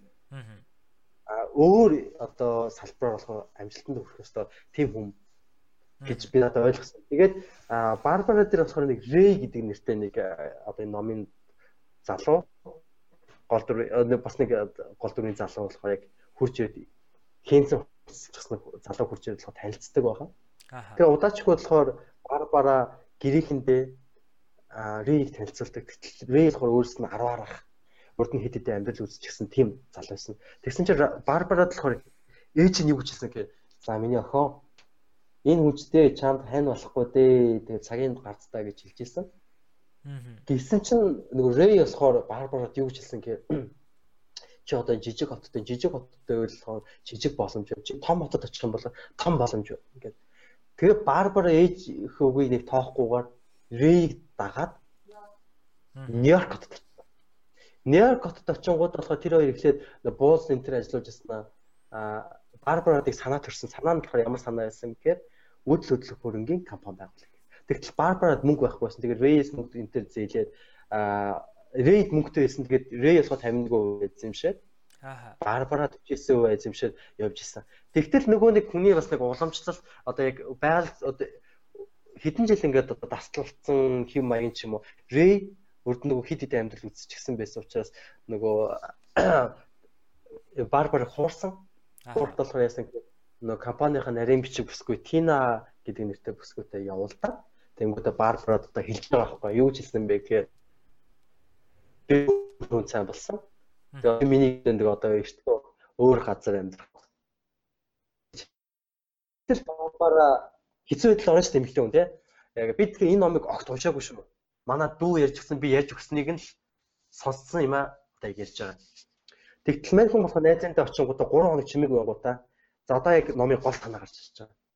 Ээжээс нь өгсөн код өгөгдөл тэрийг сансан. Тэрний үг гэхээр би ч юм нөгөө түрүүлсэн шүү дээ. Айлаас 12 лаа гэдэг. Тэгсэн чинь болохоор ингэдэм юм ял да. Гэрт нь ингээ бэлуу хуваах алдаг. Тэгсэн чинь ингээ бэлуу 12 хуваангууд чинь яг тэгш ингээ 12 хуваахгүй шүү дээ. Аа томтой жижигтэй дундтай тийм бэлүү хуваагдаж байгаа. Тэгтэл айлын томоос эхлээд бэлүүгоо сонгод юм байл да. За. Би буруу санаагүй бол тгий санагдаж байна. Тэгсэн чинь барбар болохоор ингээд ингээд багууд нь ч юм уу тийм ингээд хамгийн ингээд жижигүүдийн ингээд ирдэг. Тэгтэл барбар ингээд жижиг жижиг бэлүүг одоо ингээд сонгоод авчдаг. Аа. Бэлүү жижиг бэлүү өөрт нь ирдэг. Тэр болгонд нь болохоор ээж нь үг хэлдэг байгаа. Юу гэж хэлдэг вэ гэхээр Миний охин хэдий одоо өөр бусад ах дүүс чинь ингээд том билүү авсан ч гэсэн томыг авсан хүн юу гэж боддог гэхээр энэс илүү том байхгүй юм чинь ингээд тэрэндээ ханчдаг. Илүү бодохгүй зүгээр л иддэг. Миний охин жижиг авсан ч гэсэн би хизээ нэгэн цаг томыг аавна. Жижиг нь илүү амттай гэдгийг ойлгож энэ илүү ухаарл хайрладаг гэдгийг ойлгож авах хэрэгтэй гэж хэлдэг байгаа. Аа. Энэ дээр юу гардаг вэ гэхээр энийг мань хүн амьдралтыг хэрэгжүүлдэг. За яаж амьдралтыг хэрэгжүүлдэг вэ гэхээр тэр хоёр бас нэг нөгөө одоо 12 билүү хуваадаг шиг 12 түнштэй юм байл та үйл хөдлөхөрөнгөө. Тэр 12 түнштэй болохоор 3 хоног чимээгүй барбар байсан дэр дараа рейдер очичингуудаа за энэ бол миний санаа байсан хоёлаа компани хуваая. Гэхдээ 12 чи компани 12 түншээ хуваая. 12 түншээ хуваахдаа чи 6 түншээ өөрөө сонг гэсэн. Тэгтэл би өөрөө 6 түншээ дараа нь сонгоё гэсэн. Аа. Одоо нэг үлдсийн аав гэсэн байхгүй. Тэгсэн чинь яг билүүний зарчмаар Рэй харангуйтаа юу гэсэн бэ? Айл хэдийн хөлөө олчихсан доктортой баян тим төшөөдөө сонгосон. Аа барбар болохоор яасан гэхээр өсөх ирэмэлзэл хүсэл зорилготой тим 6 компанийг тим 6 төшөө сонгосон байгаа байхгүй. Тэгээд энэ нь ирээдүйд болохоор маш их үр дүнгээ өгсөн. Одоо би яг эндээс одоо хоёр дахь жишээг л кодыг ярьж байна. Цаана одоо 5 код байна. За би тэгэхээр одоо бүгдийг ярих нь одоо нэлээд урт подкаст болчих. Тэгэхээр болохоор би эндээс л яг нэг хамгийн таалагдсан нэг жишээгээ ярив. гэж бодож байна. За энэ юу гэхээр Барбар нэг удаа болохоор аа ингэдэг байгаа л та. Аа мянган хүний өмнө бас нэлээд бас жоохон үйл хөдлөх хөргийн компаниас олон танигдсан хойно болохоор мянган хүний өмнө болохоор ихтгэл тавьдаг. Ихтгэл дээр ингээд цаасан дээр ингээд түлхүүр өгүүдээ бичээ keyword-өө бичээд тэгээд ярих болсон чинь олон хүний нүд хараад 2000 хүний нүд харангуудаа гацчихдаг. Айгуу муу ярьсан. Аа. Тэгээд айгуу хэцүү байдалд ороод өөрөөсөө хичээд гэртээ очиж очиод ингээ бүгээдтэй хэцүү байдалд орсон. Энэ үед яасан гэхээр ээжээс өгсөн дахиад нэг код авсан. Тэр нь ямар код байсан гэхээр ялах нь биш одоо оролцох нь чухал. Ягаад тэр вэ гэхээр хүүхд байхад нь болохоор бас нэг би буруу санааг бол илтгэл илтгэлийн тэмцээнд орсон. Тэгсэн чинь нөгөө илтгэлийн тэмцээнд оронгуудаа одоо төрүүлээгүй аа тэгээд бас нэлийн одоо хойгоор ороод бас ялагдсан нэг гэсэн та. Тэнгүүд ээж нь хүчрэнгүүтээ бэлгэлгүй оролцсон байгаа байхгүй. Тэгсэн ээж зүг. Ээж та намайг гээ бэлгэлгүй бас өөрөө нэг хүсэг багт чинь яг намайг тэнд оролцуулж байгаа юм гэсэн ээж нь ингэж хэлсэн. Миний охин ялах нь биш оролцсон чухал.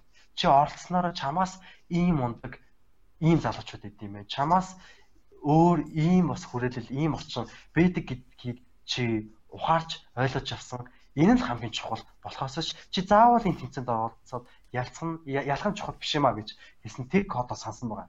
Аа.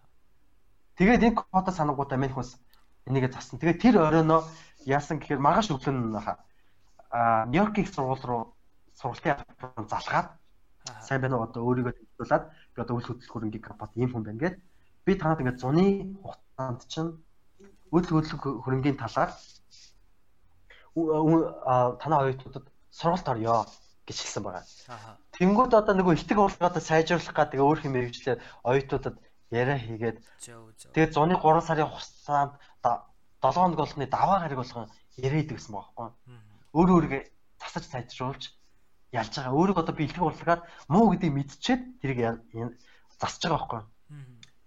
Тэгтэл бас нэг гайхамшиг гоё зүйл тохиолдсон. Тэрний үгээр бас ингээд зуны одоо яг тэр үед та бүхэн ингээд зуны амралтаа яаж өнгөрөх чинь гэдэг оюутнуудаас асуусан чинь оюутнууд нь хариулж байгаа байхгүй юу ч хэлсэн гэх өөрөө талцлаад ингэж өнгөөр тэгж өнгөөр гэсэн чинь тэгсэн чинь яг багшаас зөвчөөрөл авахгүйгээр нэг хятад оюутан Кэри Чан гэдэг нэртэй оюутан гаднаас орж ирээд тэгээ багшаас зөвшөөрөл авахгүй орж ингүүтээ оюутнуудаа бас нэг уур амьсгал хөвдөд цүнхээ нэг дэвтэн номоо гаргах гэж бас орчин гэвцэн.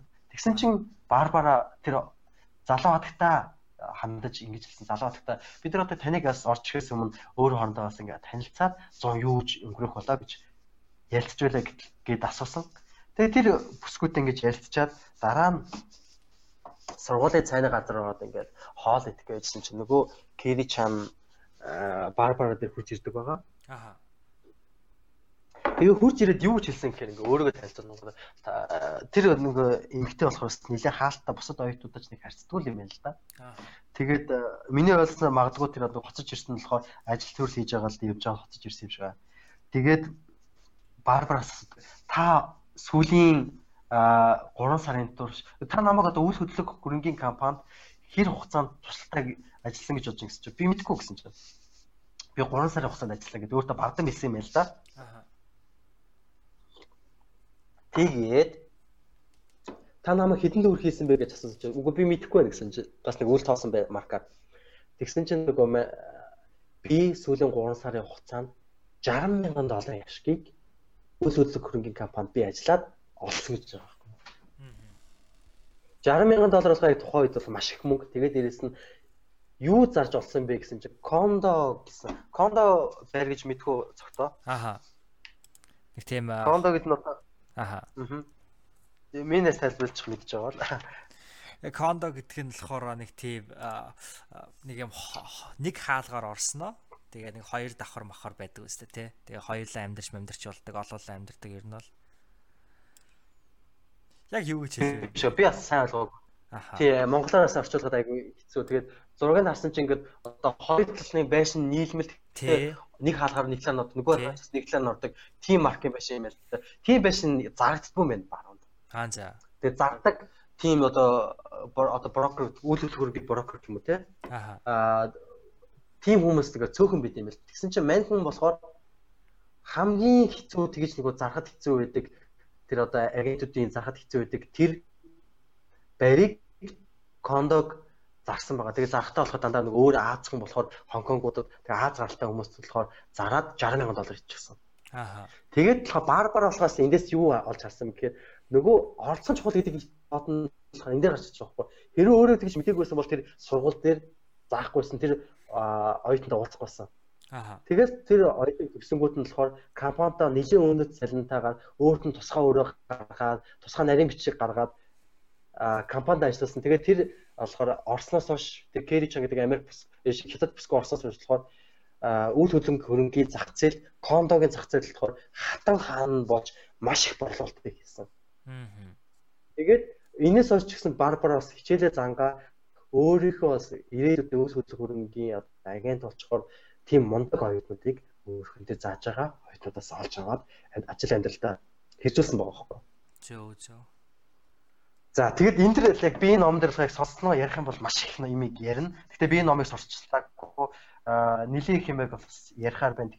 Тийм учраас яг би энийг одоо болоод алгасаад алсия гэж бодож тэгэхгүй бол хоёул аяус цаана бас гурван асуулт бас үлдчихэ. Тэгээ би бас Франц Капгийн хөврөл тэгээд Непкогийн менежмент гэдэг бас юм бас хоёр ном уншсан байгаа. За юм байна. За зүгээр маш гайхалтай хариултууд байлаа. Тэгээд яг чиний хариулт бас яг чиний амьдралын яг энэ болсон үйл явдал ч гэсэн юуг харуулж ийн гэхээр амьдрал бол бас чиний өмнөс ярьжтэй айгүйх санаандгүй зүйлээр дүүрэн. Тэгээд бас яг Барбара түрүүн бас хэлжсэн чи тэр нөгөө нэг залгсан гэж Нью-Йорк их сургууль руу. Тэгэхээр Барбара ямар нэгэн хувь өөнийхөө хөгжлийг ч юм уу ихтгэл тавих чадвараа сайжруулах тэрх боломжийг хүлээгээд суух биш өөрөө тэр боломжийг бүтээсэн байна те. Тэр боломжийг бүтээн гэдэг бол их чухал ойлголт, чухал зүйл юм шиг найз нэг санагдаад тэр бас над бодогдож суулаа. А бас одоо чи яг нэг хэллээ нэг хүнтэй таарад тэгээ тэр хүнийга маш одоо open minded буюу онгорхой сэтгэлгээгээр хүлээж аваад шинэ боломжийг бас бий болгосон байна те.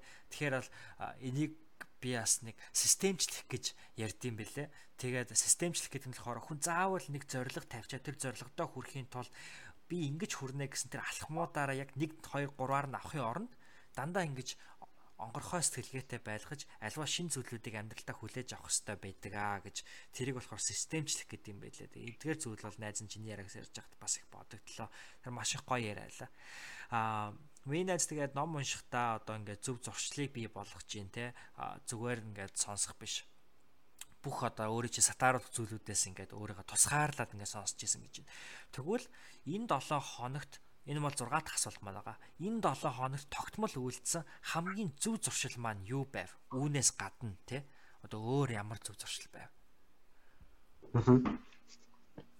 За найз одоо сүүлийн үед хасж байгаа спортоор хичээлэх нь нэлийн дутагдaltaй. Манай Франц анд бас ярьдэн шүү дээ. Спортоор байнга хичээл өөрийнхөө сайн зуршлыг бас хадгалж авч үлдгээд. Аа Яг зөв. Тэгээ сүүлийн болохоор яг найз нэг ууланд их хайк гэдэг тэр нүд яг хэрэгтэй нэг зуршлуудаас гээгээд байгаа юм шиг. Аа. Тэгээ яг юу давтаж их хийсэн гэхээр сүүл турник болон тэгээд гар дээр болох өдөр болгоноос тодорхой бид сунаагаад асгалаад бас хийгээд байгаа. Аа. Яг яагаад тэгээд бид бас Тэгэл эрүүл амьдралын үндэс тийм бас тэгээд өөр өөр би хаагаас хөгжүүлээд эрүүл байх, хоол ундаа тийжээ. Одоо хоол ундаа тийм үү шингээх. Аа. Тэр зүйл одоо хандлагаасаа эхлээд болохоор бас ингээд түүнийг энэ бас ингээд тогтвол үлдэж байгаа одоо зөв зуршил гэж одоо найзнаас харж байна. Зөв зуршил гэж харж байна. За тэр нөгөө нэг бас зөв зуршил нь юу гэхээр за сүүлийн үед болохоор бас нэг тогтмол хувьцааны талаар бас нэлээх бас уншиж бас хүмүүст бас ярилцаж ойлголт авч тэгж байгаа. Тэгээс ингээд энийг бас зөв зуршил гэж харж байна. Ягаад тэгэхээр хувьцаа өөрөө бас Монголд бас сүүлийн үед нэлээд хөгжөөд байгаа шиг харж гэж харж. Ягаад тэгэхээр өнгөрсөн жилдээ харьцуулахын хувьд 2600-тай харьцуулахад 2017 онд давхарцсан доохоор 20 мянган шин одоо 10 мянган одоо шинэ хувьцаа эзэмшигч 10 мянган одоо давхар одоо хувьцаа эзэмшигч шинээр хөрөнгөний биштэй бүртгүүлсэн байгаа байхгүй. Аа. Тэгэхээр би эндээс юу харж байгаа хүмүүс ингээ хувьцааны зах зээл рүү маш их орж байна. Ялангуяа баруунд болохоор миний хаж гисэн баг хүн болгон биш юм байхад бас дийлэнх олгон нь бас тодорхой хэмжээнд айл нэг компанид бас хувьцаа эзэмшдэг хувьцааны талаар тэгэл байх аа маш их ойлголттой байдаг. Аа тэгтэл одоо яг Монголд бас энэ соёл энэ бас хандлага их нэлээс гарч гарч ирж байна гэж бас миний бас нэг тогтмол үлдэж байгаа бас нэг хандлага зуршил маань өөрөө юу гэхээр хувьцааны талаар тодорхойж байнга ажиглаж сурж суралцаж бас ингэж явж байна. Тэгээд энэ бас нэг хандлага зуршил маань болохоор бас нөгөө л би түрүү ярьжсэн хүрээлэлтэй холбоотой 50 найз найзтай маань бас холбоотой. 50 найз маань бас би одоо өвчнөө олон жил гэхин тааш бас нэлээд олон жилийн турш хувьцааны зах зээл рүү орно гэж бодоод байдаг байсан мөртлөө орохгүй яваал гэсэн. Аа. Тэгэхээр ингээд 50 найзнаас бас надаас бас нэг хэдэн сарын өмнө төрүүлж орсон. Аа. Тэгээд 50 найз одоо дагаад гэх нь одоо гэх юм одоо тий 50 найзаас үлгэр дуурайл аваад тэгээд 50 найзтай бас хамт ажиллах юм. Бас ингээд үйл хөдлөх хөрөнгө зах зээл рүү ороод бас тоглолт хийж байгаа. Энд бас ингээд зөв зуршлыг бас тогтоогоод өөрөө өөртөө бас төвчээртэй болж байгаа байхгүй. Хувьцаа өөрөө өснө, буурна, тухайн өдрийн цаг агаар цэлүү байх хэсэг нь ерөөдөө ингээд хувьцааны зах зээл өглөө шалгаж байгаатай ингээд шууд холбоотой болж чинь. Тэгээд энэ бүхээс ингээд хувьцаа өөрөө зааж өгөөд бас нэг төвчээртэй байх, юмд хүлээцтэй байх, юмыг судалж мэдэх ингээд зөв зуршил хандлагыг бас ингээд хүнд тогтоож өгч юм гэж зас харж байна.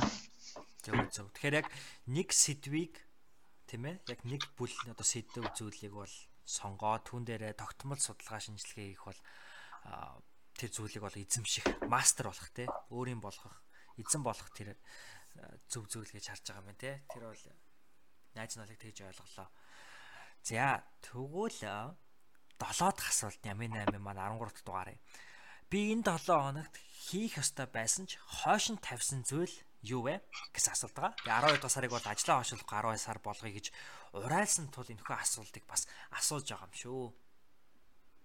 Аа. За Аа одоо хоошин тавьсан гэх юм бол одоо найс нь ахуй талаас одоо хувцас авгаагаагүй хойшлуулсан байна. Аа. Тэгээ ер нь бас нэг ахуй талаас нэг хийх хөстэй зүйлсүүдээ бас тухай дар даруйд нь хийгээд явах хэрэгтэй юм шиг байна. Яагаад би тэгэж бодсон бэ гэхээр одоо магадгүй буцаа авах хэрэгтэй гэдээ нэг бодож байгаа ч юм уу тэрэн талаа э, бодож явахдаа бид нэг цаг хугацаа алдаад байдаг. Яг зөв. Аа. Тэгээд одоо би энэ зүйлийг хийх ёстой шүү гэж бодоод байдаг. Тэнгүүцээс цаг хугацаа алдаад байдаг. Тэгэхээр магадгүйс ингээд хуцаа одоо би магад маргааш л магадгүй угаах байх л та. Аа тэгэхээр нэг ингэх хэрэгтэй юм шиг нэг зорилгоо тавина гэдэг шиг тийм маргааш би яг энэ зүйлийг хийн гэд яг так ингээд төлөвлөөд тэндээ зориулсан цаг гаргаад тэнийг хөдлөө ингээд шууд зориглоод шууд байх хэрэгтэй юм шиг байна. Тэгэхгүй бол ингээд хоош нь тавьдаг. Инээс болоод цаг хугацаа алддаг. Үн зүйлсээ үн цаг хугацаад маш их одоо ялангуяа энэ 21-р зуунд гэж ярих юм бол те өнөө үед чинь их чухал байж тээ цаг цагаар одоо хэмжигдэж ялангуяа хувьцааны зах зээлээр ингээд зөөрлөх юм бол нэг л минутад ингээ алдахад л маш их хэмжээний алдагдал эсвэл өсөлтөөс хойно ингээ үлдчихэж шин. Тийм зүйлсүүд ингээ ажиглагдаж байна. Тэгэхээр бас ингээ зөв хэрэгтэй хийх ёстой зүйлсүүд яг үнэхээр хийх ёстой гэж бодож байгаа бол тэр зүйлсээ хошнохгүй шууд арай төлөвлөөд хийх ёстой юм байна гэж харж байна. Нэг үгүй байдаг штэ шийдвэргүй бус байдал гэдэг бол за яг гэж найрсах байх. Тэр нь бол шийдвэргүй бус байдал гэдэг бол одоо амьдралын хамгийн том дайсан юм аа л гэдэг утгасаа одоо өгöd те. Тэр яг тэр л юм те. Яг за яг шийдвэр өгөх жаашээ тэр шийдвэрээ гаргачаад удаан ингээд бодож төлөвлөжөөсөө орно зүгээр л хийж эхлэх хэрэгтэй гэдэг. Мөн үү? За тэгвэл хоёлаа ингээд яви 8-ийнхаа хамгийн сүүлчээ одоо жаргах асуулт руу орох гэж байна. За энэ асуулт маань миний хувьд бол хамгийн дуртай асуулт бол гэж би өөр миний хувьд бол энэ асуулт маань дараа 7 хоногийн өөртөө захиж хэлэх үгс гэдэг асуулт. Аа. За. За энэ дээр болохоор нэг хүн э, юу юм шиг байна. Нэг өөр өөрийнхөө нэг уншсан номоос тэмдэглэл хөтлөөд тэрийг э, хэрэгжүүлэх амьдралдаа бас шаардлагатай юм шиг санагддаг. Найз нь 2013 оноос хойш өдрийн тэмдэглэл өдрийн тэмдэглэл гэж хэлж болохгүй маа одоо сард нэг удаа ч юм уу өдрөлд нэг удаа нэг бадчихагаад яг тухайн нэг цаг үе момент зориулаад би тэмдэглэл хөтөлтэй одоо онлайнд би тэрийг байршуулсан хад хамгаалсан. Тэгээ би 2013 оноос хойш сүүлийн 4 жилийн дуурчлалт яг тэр тэмдэглэлээ хөтлж байгаа бас нэлээд хутс болчихсон. Аа. А бид тэндээс ингээ харж байгаа байхгүй. Эргээд ингээ харангууд 2013 оны одоо тухайн үед одоо бичсэн бичрүүд харангууд нь хөөе Батаргал чи ингэж исэн байна. Ийм хүнтэй уулзч исэн байна одоо ийм хийгээ явж юм байна. Ийм ном уншиж явж юм байна гэх тээ. Өөр өөртөө тэр нэг ажиллах тэр боломжийг олгодог юм шиг. Тэгээ би яг өөр өөртөө бас нэг одоо захиаж хэлэх юм одоо юу гэж юм бэ те. Одоо хүн ингээ ном би ялангуяа ингэдэг байхгүй ном уншингуудаа бүлэг бүлэг наамгуудаа эргээд тэмдэглэл хөтэлтэй. Тэгээ яг өөр өөртөө захиаж хэлэх хэлийг гэвэл тэр тэмдэглэлээ одоо бас бичих хэрэгтэй байна. А нөгөө талаар бас уншсан номудаас амьдралдаас хэрэгжүүлэх шаардлагатай байна гэж бас а харж ирсэн. Аа тэгээд би нэг бас нэг ном дээр синжил сая энэ талаас уншсан номоос харж байхад аа нэг бас гаргасан менежмент гэдэг ном дээр гарч байгаа байхгүй. Тэндэл General Motors-ын жишээ байгаа. General Motors яг өөрсдийн бодлого, өөрсдийн жишээ өөрөө юу гэсэн гэхээр асуудлыг айл болох олон талаас нь ярьж, мэтгэлцэж хоорондоо бараг ингээд хоорондоо хэрэлдээд байгаа юм шиг, маргалдаа баг зодоо үсгэж байгаа юм шиг тэгжиж шийдэл гаргах юм байна л да. Тэгэд яагаад тэгдэг вэ гэхээр тэгсэн шийдэл өөрөө үндсэлтэй алдаагүй тийм шийдэл гардаг. Тэгээ бүр нэг удаа ингэсэн байгаа. General Motor General Motors-ын одоо өдөртөх зөвлөлийн одоо гишүүдийн хурал дээр нэг асуудал нэлээд ноцгой үнэлгээтэй нэлээд сайн асуудал орж ирсэн байна. Тэр асуудал орж ирэнгүүтээ шууд дэмжигдээд батлагдах гэсэн чинь а ерөнхий захирал нь тэр асуудлыг за бүгднгийнхэн дэмжлэгтэй батлагдах юм шиг байна. Гэхдээ хэдүүлээ энэ асуудалтай өөр өөрсдөө гэсэн төртөл ягаад энэ асуудлыг э, хэсэг 7 хоног байлоо да яг би санахгүй байна. Хэсэг хугацаанд хойшлуулад дараа нь батъя гэж тэгсэн байгаа. Ягаад тэгсэн бэ гэхээр магадгүй нөгөө бүр таслалцсан байгаа хгүй. Цаг хугацаа хэдий магадгүй алдчихж байгаа. Боловч тухайн зүйлд нотлох үнэлгээтэй яг өөр өөрсдийнх нь байр сууриаар тэгж хандах гэж бас хичээдэг байхгүй. Тэгэхээр яг жор болгон адилгүй хүн болгонд бас адилгүй шүү дээ тий. Тэгэхээр бас нөгөө ирээдүйд эх 7 хоногт бас ингээд аливаа зүйлийг хийж байгаа тэр зүйлстэй зөвхөн өөртөө бус зогтоод олон цагтаагаа бас сонсогчдоос ингээд хандаж хэлэхэд одоо ойр дотныхоо хүмүүс бас ярилцаад тэр зүйлсээ нотлохоо үнэлгээтэй тэгж хандаасаа гэж бас хэлмээр байна. За тэгээд бас нэмээд хэлэхэд болохоор би хувьцааны талаар бас нэг би сурчлаагүй биткойн болон ямар нэгэн койнд бол сурчлаагүй гэдгийг бас эхлээд шууд хэлчихье. Тэгээд нэг нэг сонирхолтой үйл хэрэгтэй ойлголт. Үйл цаг мөч дээр одоо бид бид нар амьдарч байгаа бас ингээд одоо ийм яриад байгаа шүү дээ. Ийм яриа гарцсан байсан. Одоо би 3 би бас 3 хэлж байгаа уучлаарай. 3 3 7 хоногийн өмнө би биткойн авсан байсан бол ийм болох байлаа гэж би бодож байлаа. Ийм ийм агуулгатай постсон байхгүй гэж бодож байлаа гээд хоёр бодож исэн чинь биткойн 2-7 хоногийн дараа тэрэн шиг нь өсөлтийг үзүүлчлээ гэд бодсон чинь 20% өсөлт үзүүлчлээ гэж байгаа байхгүй. Идрээ хэлээд хэн бэлээд нэг а хүн фэйсбુક дээр тэгээ постлцаасаа. Өөрөөр хэлбэл юу хэлээд нэг гэхээр өсөлтээр бол яг ингээд ямар ч хувьцааны зах зээл дээр байхгүй өсөлт, ямар ч бизнес дээр байхгүй өсөлт, coin болон крипто валют дээр үүсэж байгаа. Тэрэн дээр ямар ч юм дээр өөрөө эрсдлээдэг би нэг сурчлаагүй гэхдээ яг эрсдэл хүлээгээд хүн бас нэг ороо тоглоод бас нэг ийм зүйл байд юм байна гэд ирээдүйд харамсахгүй бол алдсан ч гэсэн ядаж би ийм зүйлд оролдоод оролцоод үдсэн шүү дээ. Гэд түрүү нэг барбарагийн хэлдэг шиг тийм ялхан чухал биш. Заавал тэндээс ашиг олох чухал биш.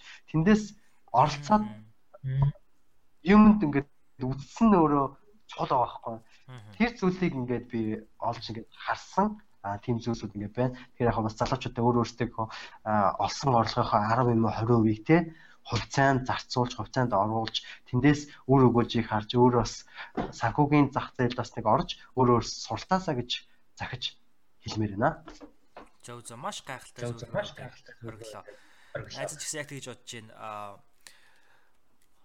одоо маш их зүйл уншдаг те Найз нэг сүүл Seneca гэдэг эртний грекийн философчдын ном уншижсэн чинь юу гэхээр хэрвээ чи нэг номноос нөгөө ном руу ингээд дуусгаагүй ээж үсрээд байвал энэ бол одоо оюун бодол чинь бас цэгцхүү байгаагийн нэг интлэрэл юм а гэсэн утгасан хатад зүйл байсан аахгүй.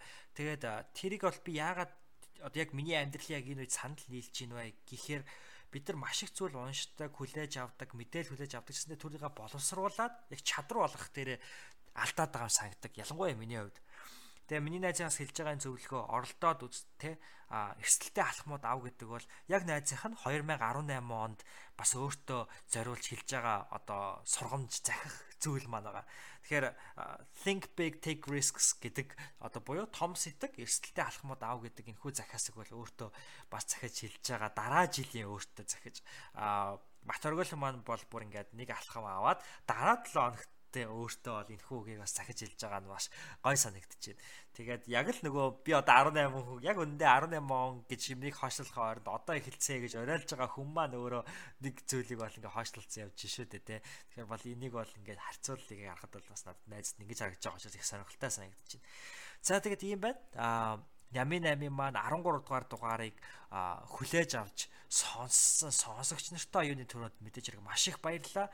За тэгээд бас мэдээж гэрэг энэхүү урилгыг хүлээж авсан оргилдоо бол бүр туйлын туйлын их баярлаа гэж хэлье. За баярлалаа цогтоо тэгээд би бол тийм нэг төгс болсон тийм мундаг хүн бол биш шүү гэдгийг юу ч гэсэн хэлчихье. Аа тэгээд юу ч гэсэн өөрийнхөө хэмжээнд бас нэг аль зөв гэж юу а зөв байх ёстой, юу бид хийх ёстой гэсэн тэр зүйлсүүдээс хийгээд яваа. Жирийн нэг Монгол залуу байгаа. Тэгээд ингээд октодо болон бас Америкт байгаа. Бас Америкт сурж байгаа миний мэдэх бас мундаг гоё мундаг залуучууд байгаа. А энэ залуучуудаас ингээд болон Францтай, Солонгостой энэ тэндгүү дэвэн дэлхийгээр харан суугаа найз нөхөд болон миний танихгүй мэдхгүй Монгол их орныхоо төлөө ерхэн зохиолж Монголынхоо төлөө бас өөрийнхөө төлөө хөдөлмөрлж байгаа тэр залуучуудаас амжилтыг хүсэж 2017 он одоо удахгүй дуусах гэж 2018 онд 2017 оноос илүү хэд дахин одоо хувьцаагаар бол тийм үү хэд дахин хэдэн 100 дахин өсөлтийг үзүүлсэн тийм жилийг угтаж бүтээгээрэй гэж хэлмээр байна. За маш гайхалтай ерөөлээлээ. Баярлаа ориглоо. Тэгээд бидний подкастыг хүлээж авсан нийт сонсогч нартаа ч гэсэн баярлаа. Батөргөл маань нэвтрүүлгийн нилээ ихэнд хэлж исэн. Facebook дээр жоохон итгэх муутай байгаа гэд яагаад вэ гэхээр одоо бол биеэ засаад гэрээ засах хэвээр гэрээ засаа төрөө засах хэвээр байна гэж ер нь бол залуу хүний хувьд бол бодож байгаа те. Би ч гэсэн бас Батөргөлтөө бас биеэ энхүү засах энэ аялал маань магадгүй насан туршийн аялал гэдэг бах те биеэссэн гэдэг бол тэгэд энэ аялалдаа бас энэ аялалд нь хамгийн сайн сайхан амжилт бүхний дээдийг бас хүсэн өрөөж байна. Тэгээд Нями 8-ийн подкастыг хийж байгаа чамааг бас зочноо болж бас ирээсэ гэдэг энэхүү урилгыг явуулсан учир нь гэвэл миний мэдхээр хамгийн зөвөөр биеэ засаж яваа амжилттай яваа хүмүүсийн нэг бол яхаар гоч юм шүү. Ингээд урилгыг маань хүлээ авч явсан хүлээж авсан явдалт баярлалаа ориглоо. Баяртай. За баярлалаа. За баяртай. За энэ хүн маань Ями 8 маань 13 удаагийн подкаст нэвтрүүлэг энэ хүрээд өндөрлж байна. Тэгээ юуны төрөнд энэ хүртэл бит хоёртай хамт байсан нийт сонсогч хүн болгонд чин сэтгэлийн талархлыг би илэрхийлж байна. Тэгээ Батөргөлийн маань ярилцсан энэ хүү ярилцлага танд туйлын их таалагдсан гэдэг би маш их итгэлтэй байна. Ягаад тэгэхээр би өөрөө өглөө 7 цаг сэрээд Батөргөлтойгоо яриад сууж байхад бол үнэхээр миний энэ өдрийн эхний 2 цаг, эхний 1 цаг бол маш гайхалтай өнгөрсөн. Маш их зүйлийг би ориглоосоо сонсож сурч ойлгож авсан. Та бүхэн маань ч гэсэн энийг хэдэн цаг сонсож хамаагүй яг адилхан мэдрэмж төрсөн гэж би итгэж байна. Тэгээ ягаад ингэ амар хурдан яриад мэхээр мэдээж яг Батөргөлийнхөө ярианд бол би маш тогтолсон, маш хөөрсөн, маш их зүйлийг дараа 7 хоногт хэрэгжүүлэхийг хүссэн. За тэгээд 17 он маань дуусахад ерөөсө 2-7 хоногийн хугацаа үлдсэн байна. Маш гоё зүйл нь юу гэх юм бол 2018 оны 1-р сарын 1 хамгийн ихний 18 оны 1-р 7 хоногийн нэгд өдөр тохиож байгаа юм байлаа. Тийм учраас бид нар бол яг одоо яг 2-7 хоногийн хугацаанд үлдсэн байна. Ийм учраас 12 дугаар сарыг ажиллагаа хойшлуулахгүй 12 дугаар сар болгон уриалсан байгаа. Энэхүү үлдсэн 2-7 хоногтоо хойшлуулж байгаа бүх ажлуудаа хийж амжаарай. Заавал 18 он гэж 14 хоног хөлөг яг уу 14 хийх ёстой зүйлээ яг одоо хийцгээ залуучуудаа урагшаа танд амжилт хүсье. Баярлалаа. Баяртай.